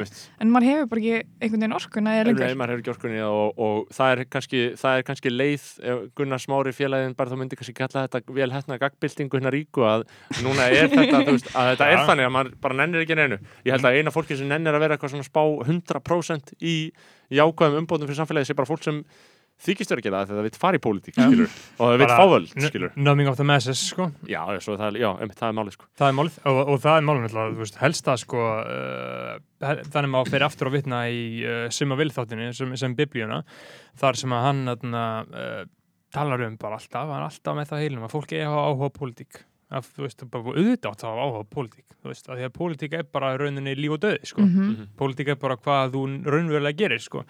Uh, en svo verðist sem ég meina töluverður bara mikill, mikill meira hluti allra vinna minna hafa engan áhuga á þessu. Nei, ég held bara mikill meirliti fólks já, já, almennt, bara ég ég átt hugsaði bara, það lang flestir eru bara að vakna klukkan sjö, fara með krakkan í Já. skólan, fara í vinnuna koma heim, elda kvöld, menn það nennir ekki að pæli þessu, sko. Nei, bara að, sko, þannig maður segja önsku, sko, bara allir eru bara fullkomlega depoliticized, uh, af politist vættir, ég veit ekki hvernig maður segja út af því að það er náttúrulega bara miklu auðveldara að hugsa ekki um þetta, bara halda áfram að horfa á fucking NFL, NBA enska boltan, meistaradildina, spila Fortnite, horfa á Netflix og dagur líður áfram, skilja, Já, líka, bara fu- fullkomlega áfram, sko. það er svona virkar líka maður, ég pæli alltaf þessu kostningum sko, maður, maður er alltaf bara svona, já, akkur, akkur svona margir kjósa þannan, muni ekki eftir þessu? Og Mhm. lala, þú veist, það eru lang flestir að kjósa sem að fylgjast ekki með þessu nema bara pitchinu sem kemur hvort eru kostningar, bara hver er flottastur í kappræðanum og hver er að lofa með bestu lutunum, hver er að fara að gefa með mest í vasunum ánamótin Mhm.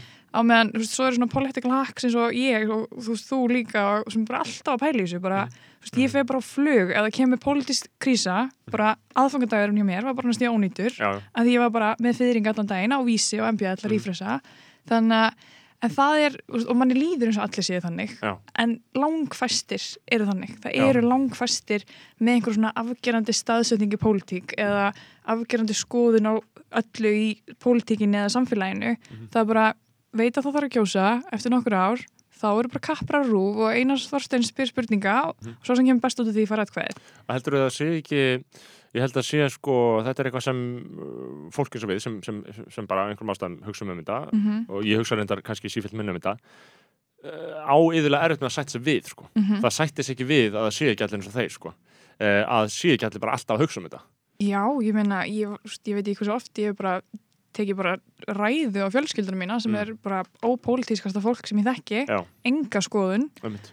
Og bara, alveg nexlu, sko. Já, Bara hva, hvað meinið þið ykkur í sama?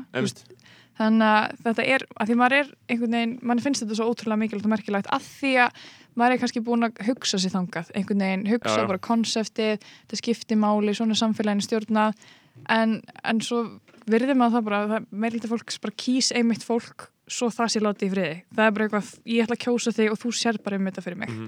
þú veist, það nennir ekki að vera aktífir þáttakendur í þessu alltaf þú veist, þetta fólk var einu og halva miljonar mánu til að gera nákvæmlega þetta já, já. Mhm.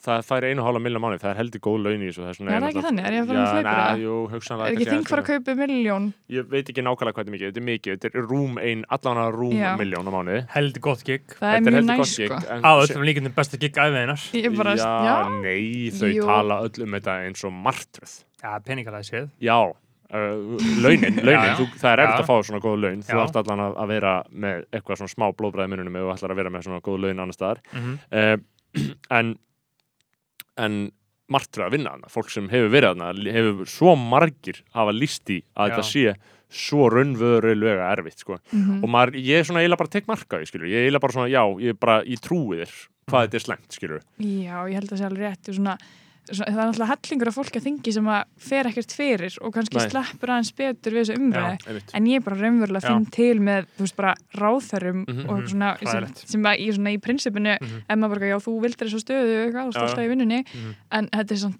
örgulega ógæðslega líjandi sko. já, þetta er við björn mér, erst alltaf jafn fyndið þegar ég sé alltaf ekkert þingmann og hugsa bara hm, hvað í fokkan er þú? já, já, ég Bara, lenda við því, sko. Hvað kemur þú eiginlega? það eru 63 þarna og ef maður fær í Þannig að kallinn sem að kerði mest Guðjón eitthvað- Já, bara, Guðjónas Bránsson, já bara hver í fokkan er þú? Ann- annar, annar varafórsti þingsins, bara frekar valda hann, klúðraði alltaf uh, megin reglunni það sem að er talað um að, að á Twitter each day there is one character the goal is to never be it já, hann var ekki gaurinn sem kerði mest.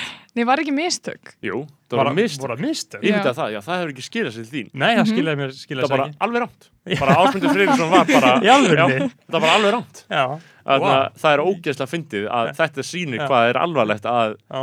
Segja að segja, auðvitað, ég meina ég, ég bara sá var bara enga að því að, fréttum þetta var að, sko. því að aksturinn hans 2019 fór inn í bara reikningi já, ok, Þannig að þetta töfaldæðist bara. Auðvitað var ásmyndu Friðriks. Ásmundur Friðriks King en hann var líka að segja að Robert Marshall sem er nú verið að slúðra um að fari í frambóð sem var fyrir Bjarta framtíð og samfélgjum á svojum tíma og er núna upplýska fullur ríkistjórnarinnar Mhm. uh, hann var að segja í viðtalið við Sölva Tryggva á svojum tíma að hann var einmitt að tala um það sko að þetta er sko alþingi, þetta er ekki hefðbundi vinnustæður í þeim skilningi að veist, það er þarna 63 þingmenn, þau eru þarna upp í staðan á þessum vinnustæð, þingmenninir en þú veist, eh, þetta er ekki þannig verkefni að þú veist, eitthvað, þau gætu verið að það væri betra að þau væri 200 skiljið hvað við þau myndi ekki, þú veist, auka framleiðnina eða afköstin eða þau væri Nei. 200 heldur þurfa þau bara að vera 63 og taka ákvarðanir. Snýst bara að að mér er það svo skrítin pæling af vinnustæð þetta er ekki eins og, þú veist bara eitthvað sem ég skil sem er bara eitthvað dagblað. Það er bara Mhm. komum dagblaði, skilu, það er bara þetta er bara vinna, ef við værum með fleira fólk þá væri það bara betra bara framlega efni, skilur Já. þetta er bara framleiðsla, þetta er svo allt annars eðlis en aðrar vinnur sko. Mhm. að þetta, þú ert bara að díla við einhverja samvisku allan daginn, bara eitthvað að taka ákvarðanir sem sé að hann varða hag þjóðarinnar að einhver leiti sko. Mér finnst það svolítið ókveikjandi sko. þess vegna held ég að ég, ég, ég, ég væri bara með samviskupið alltaf ef ég væri að þingi sko. mér liði bara illa sko. þetta er svolítið mikið bullshit job Já, já, líka það er svo mikið sem að skilur ekki sem hefur verið ákveða sko. já, þú veist, ég já held að eitthvað fiskeldislög bara, já, veist. ég veit ekkert um það sko. Nei, fiskeldi er þetta hjúts já, maður þarf að fara að kynna sig það sko. Kynna sem fiskeldið, þetta er, að, þetta er heldur upp í vestförðum, þetta heldur upp í östförðum einhverju leiti, þetta er mjög stert sko. þetta er bara atvinna, atvinna, atvinna. At, jobs, jobs, Mhm. jobs, en samt aðalega bara pólverjar held ég sem er að vinna í þessu þó ég viti það ekki alveg sko. Og er ekki, er ekki norðmenn sem eiga þetta alltaf? normenn sem eiga mikið af þessu. tvítuðu gauð sem á bara allan peningin í þessu. Ríkastu görinn í einhver algjör geit, norsk geit sem Já. á þetta sko. Uh, og svo segja lagsveiðmenn að þetta sé ekkert góðu fiskur sko, sko eldislagsin, ég þekki ekki munin Nei, þetta er eitthvað svona, er hún ekki feit, nei, hann er minna feitur eða meira feitur, það er einhvern veginn svona óbrað á honum sko. Já, þetta er þau eitthvað svona- eru líka, þetta er ógslegt, maður missir matarist að sjá þetta, það er fakkan vörtur og eru er einhvern svona veginn ókynjað einhverjum dæmi, kerjum, sko. já, Mm. og svo megið ekki slepp upp í lagsana nei, á árnara því þá fara þeirra og, og, og fjölga sér.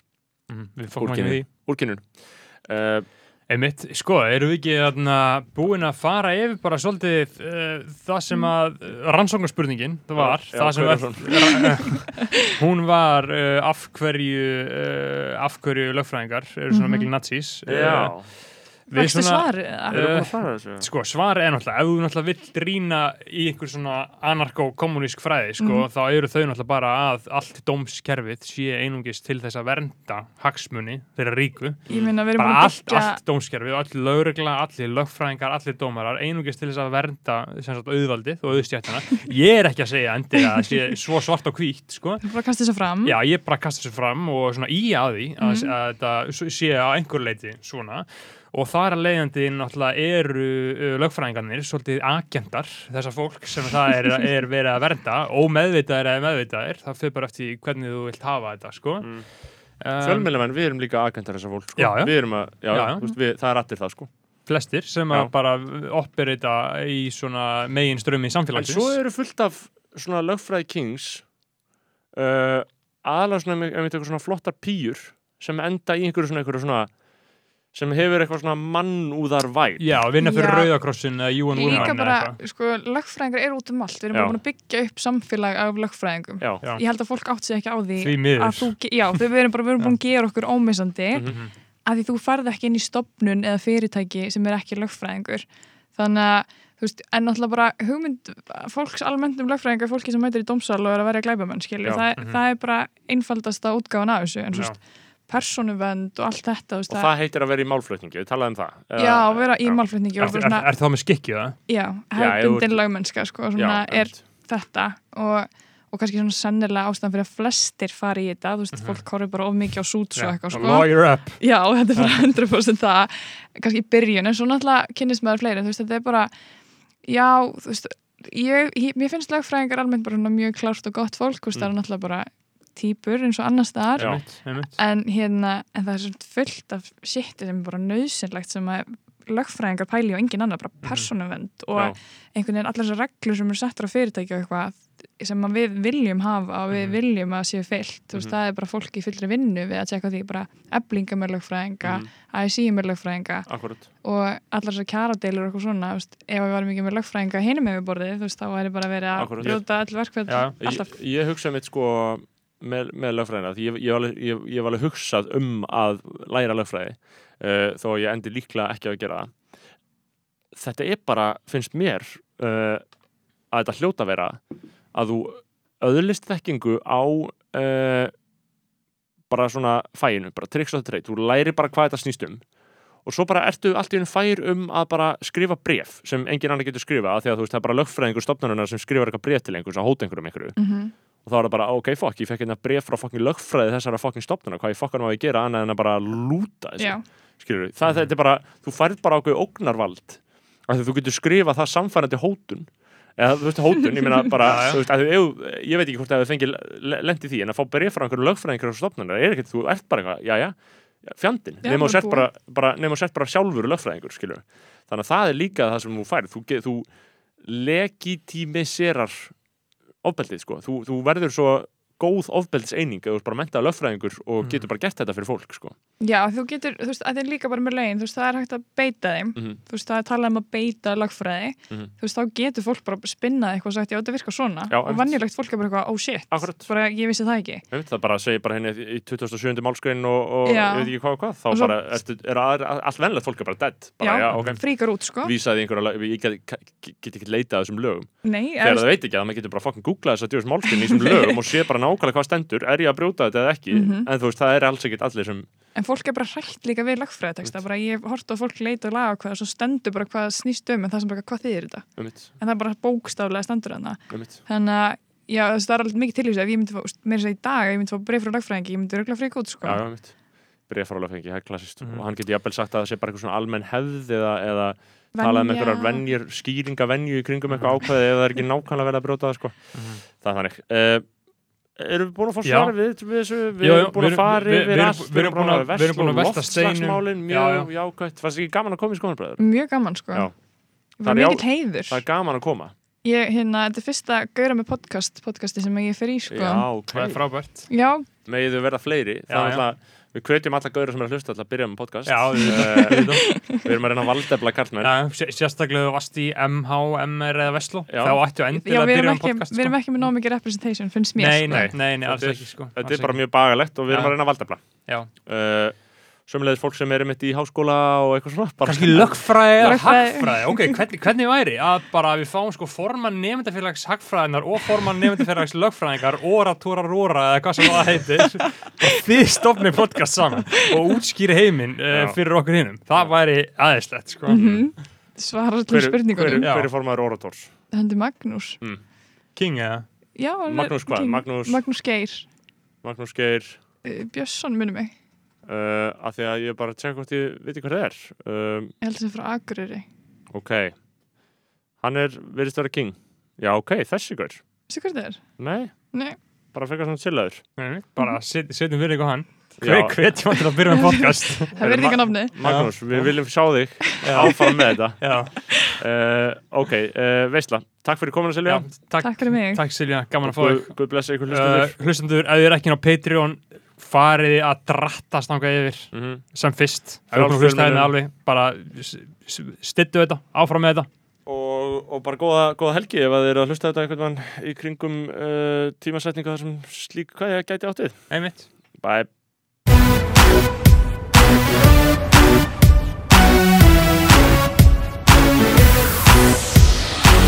Vestló er mættir að bjarga deginu Við riðjum öllum úr veginu Það vita allir að við trónum á tóknum Við höfum gríðar háa standarda Sí og ætti vandræða Endalaust með diss og dór og slæti.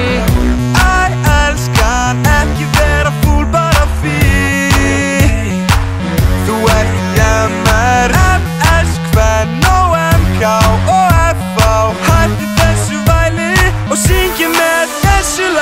lagi Vestló er bestur og við vitum það öll. Ekki neitt af bellingum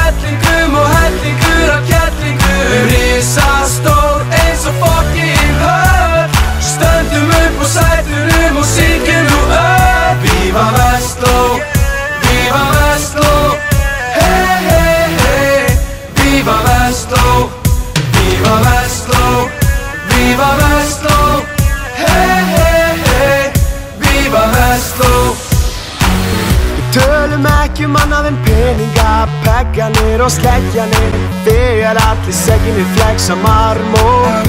Alla daga eru veisluhöld frá morgni dagslang fram á kvöld Það mun aldrei neitt fá okkur stöðvað. Æ, elskan, ekki vera fúl bara fyrir Þú ert jammer MH, Borg og FG og ME Hætti þessu væli og syngi með þessu lagi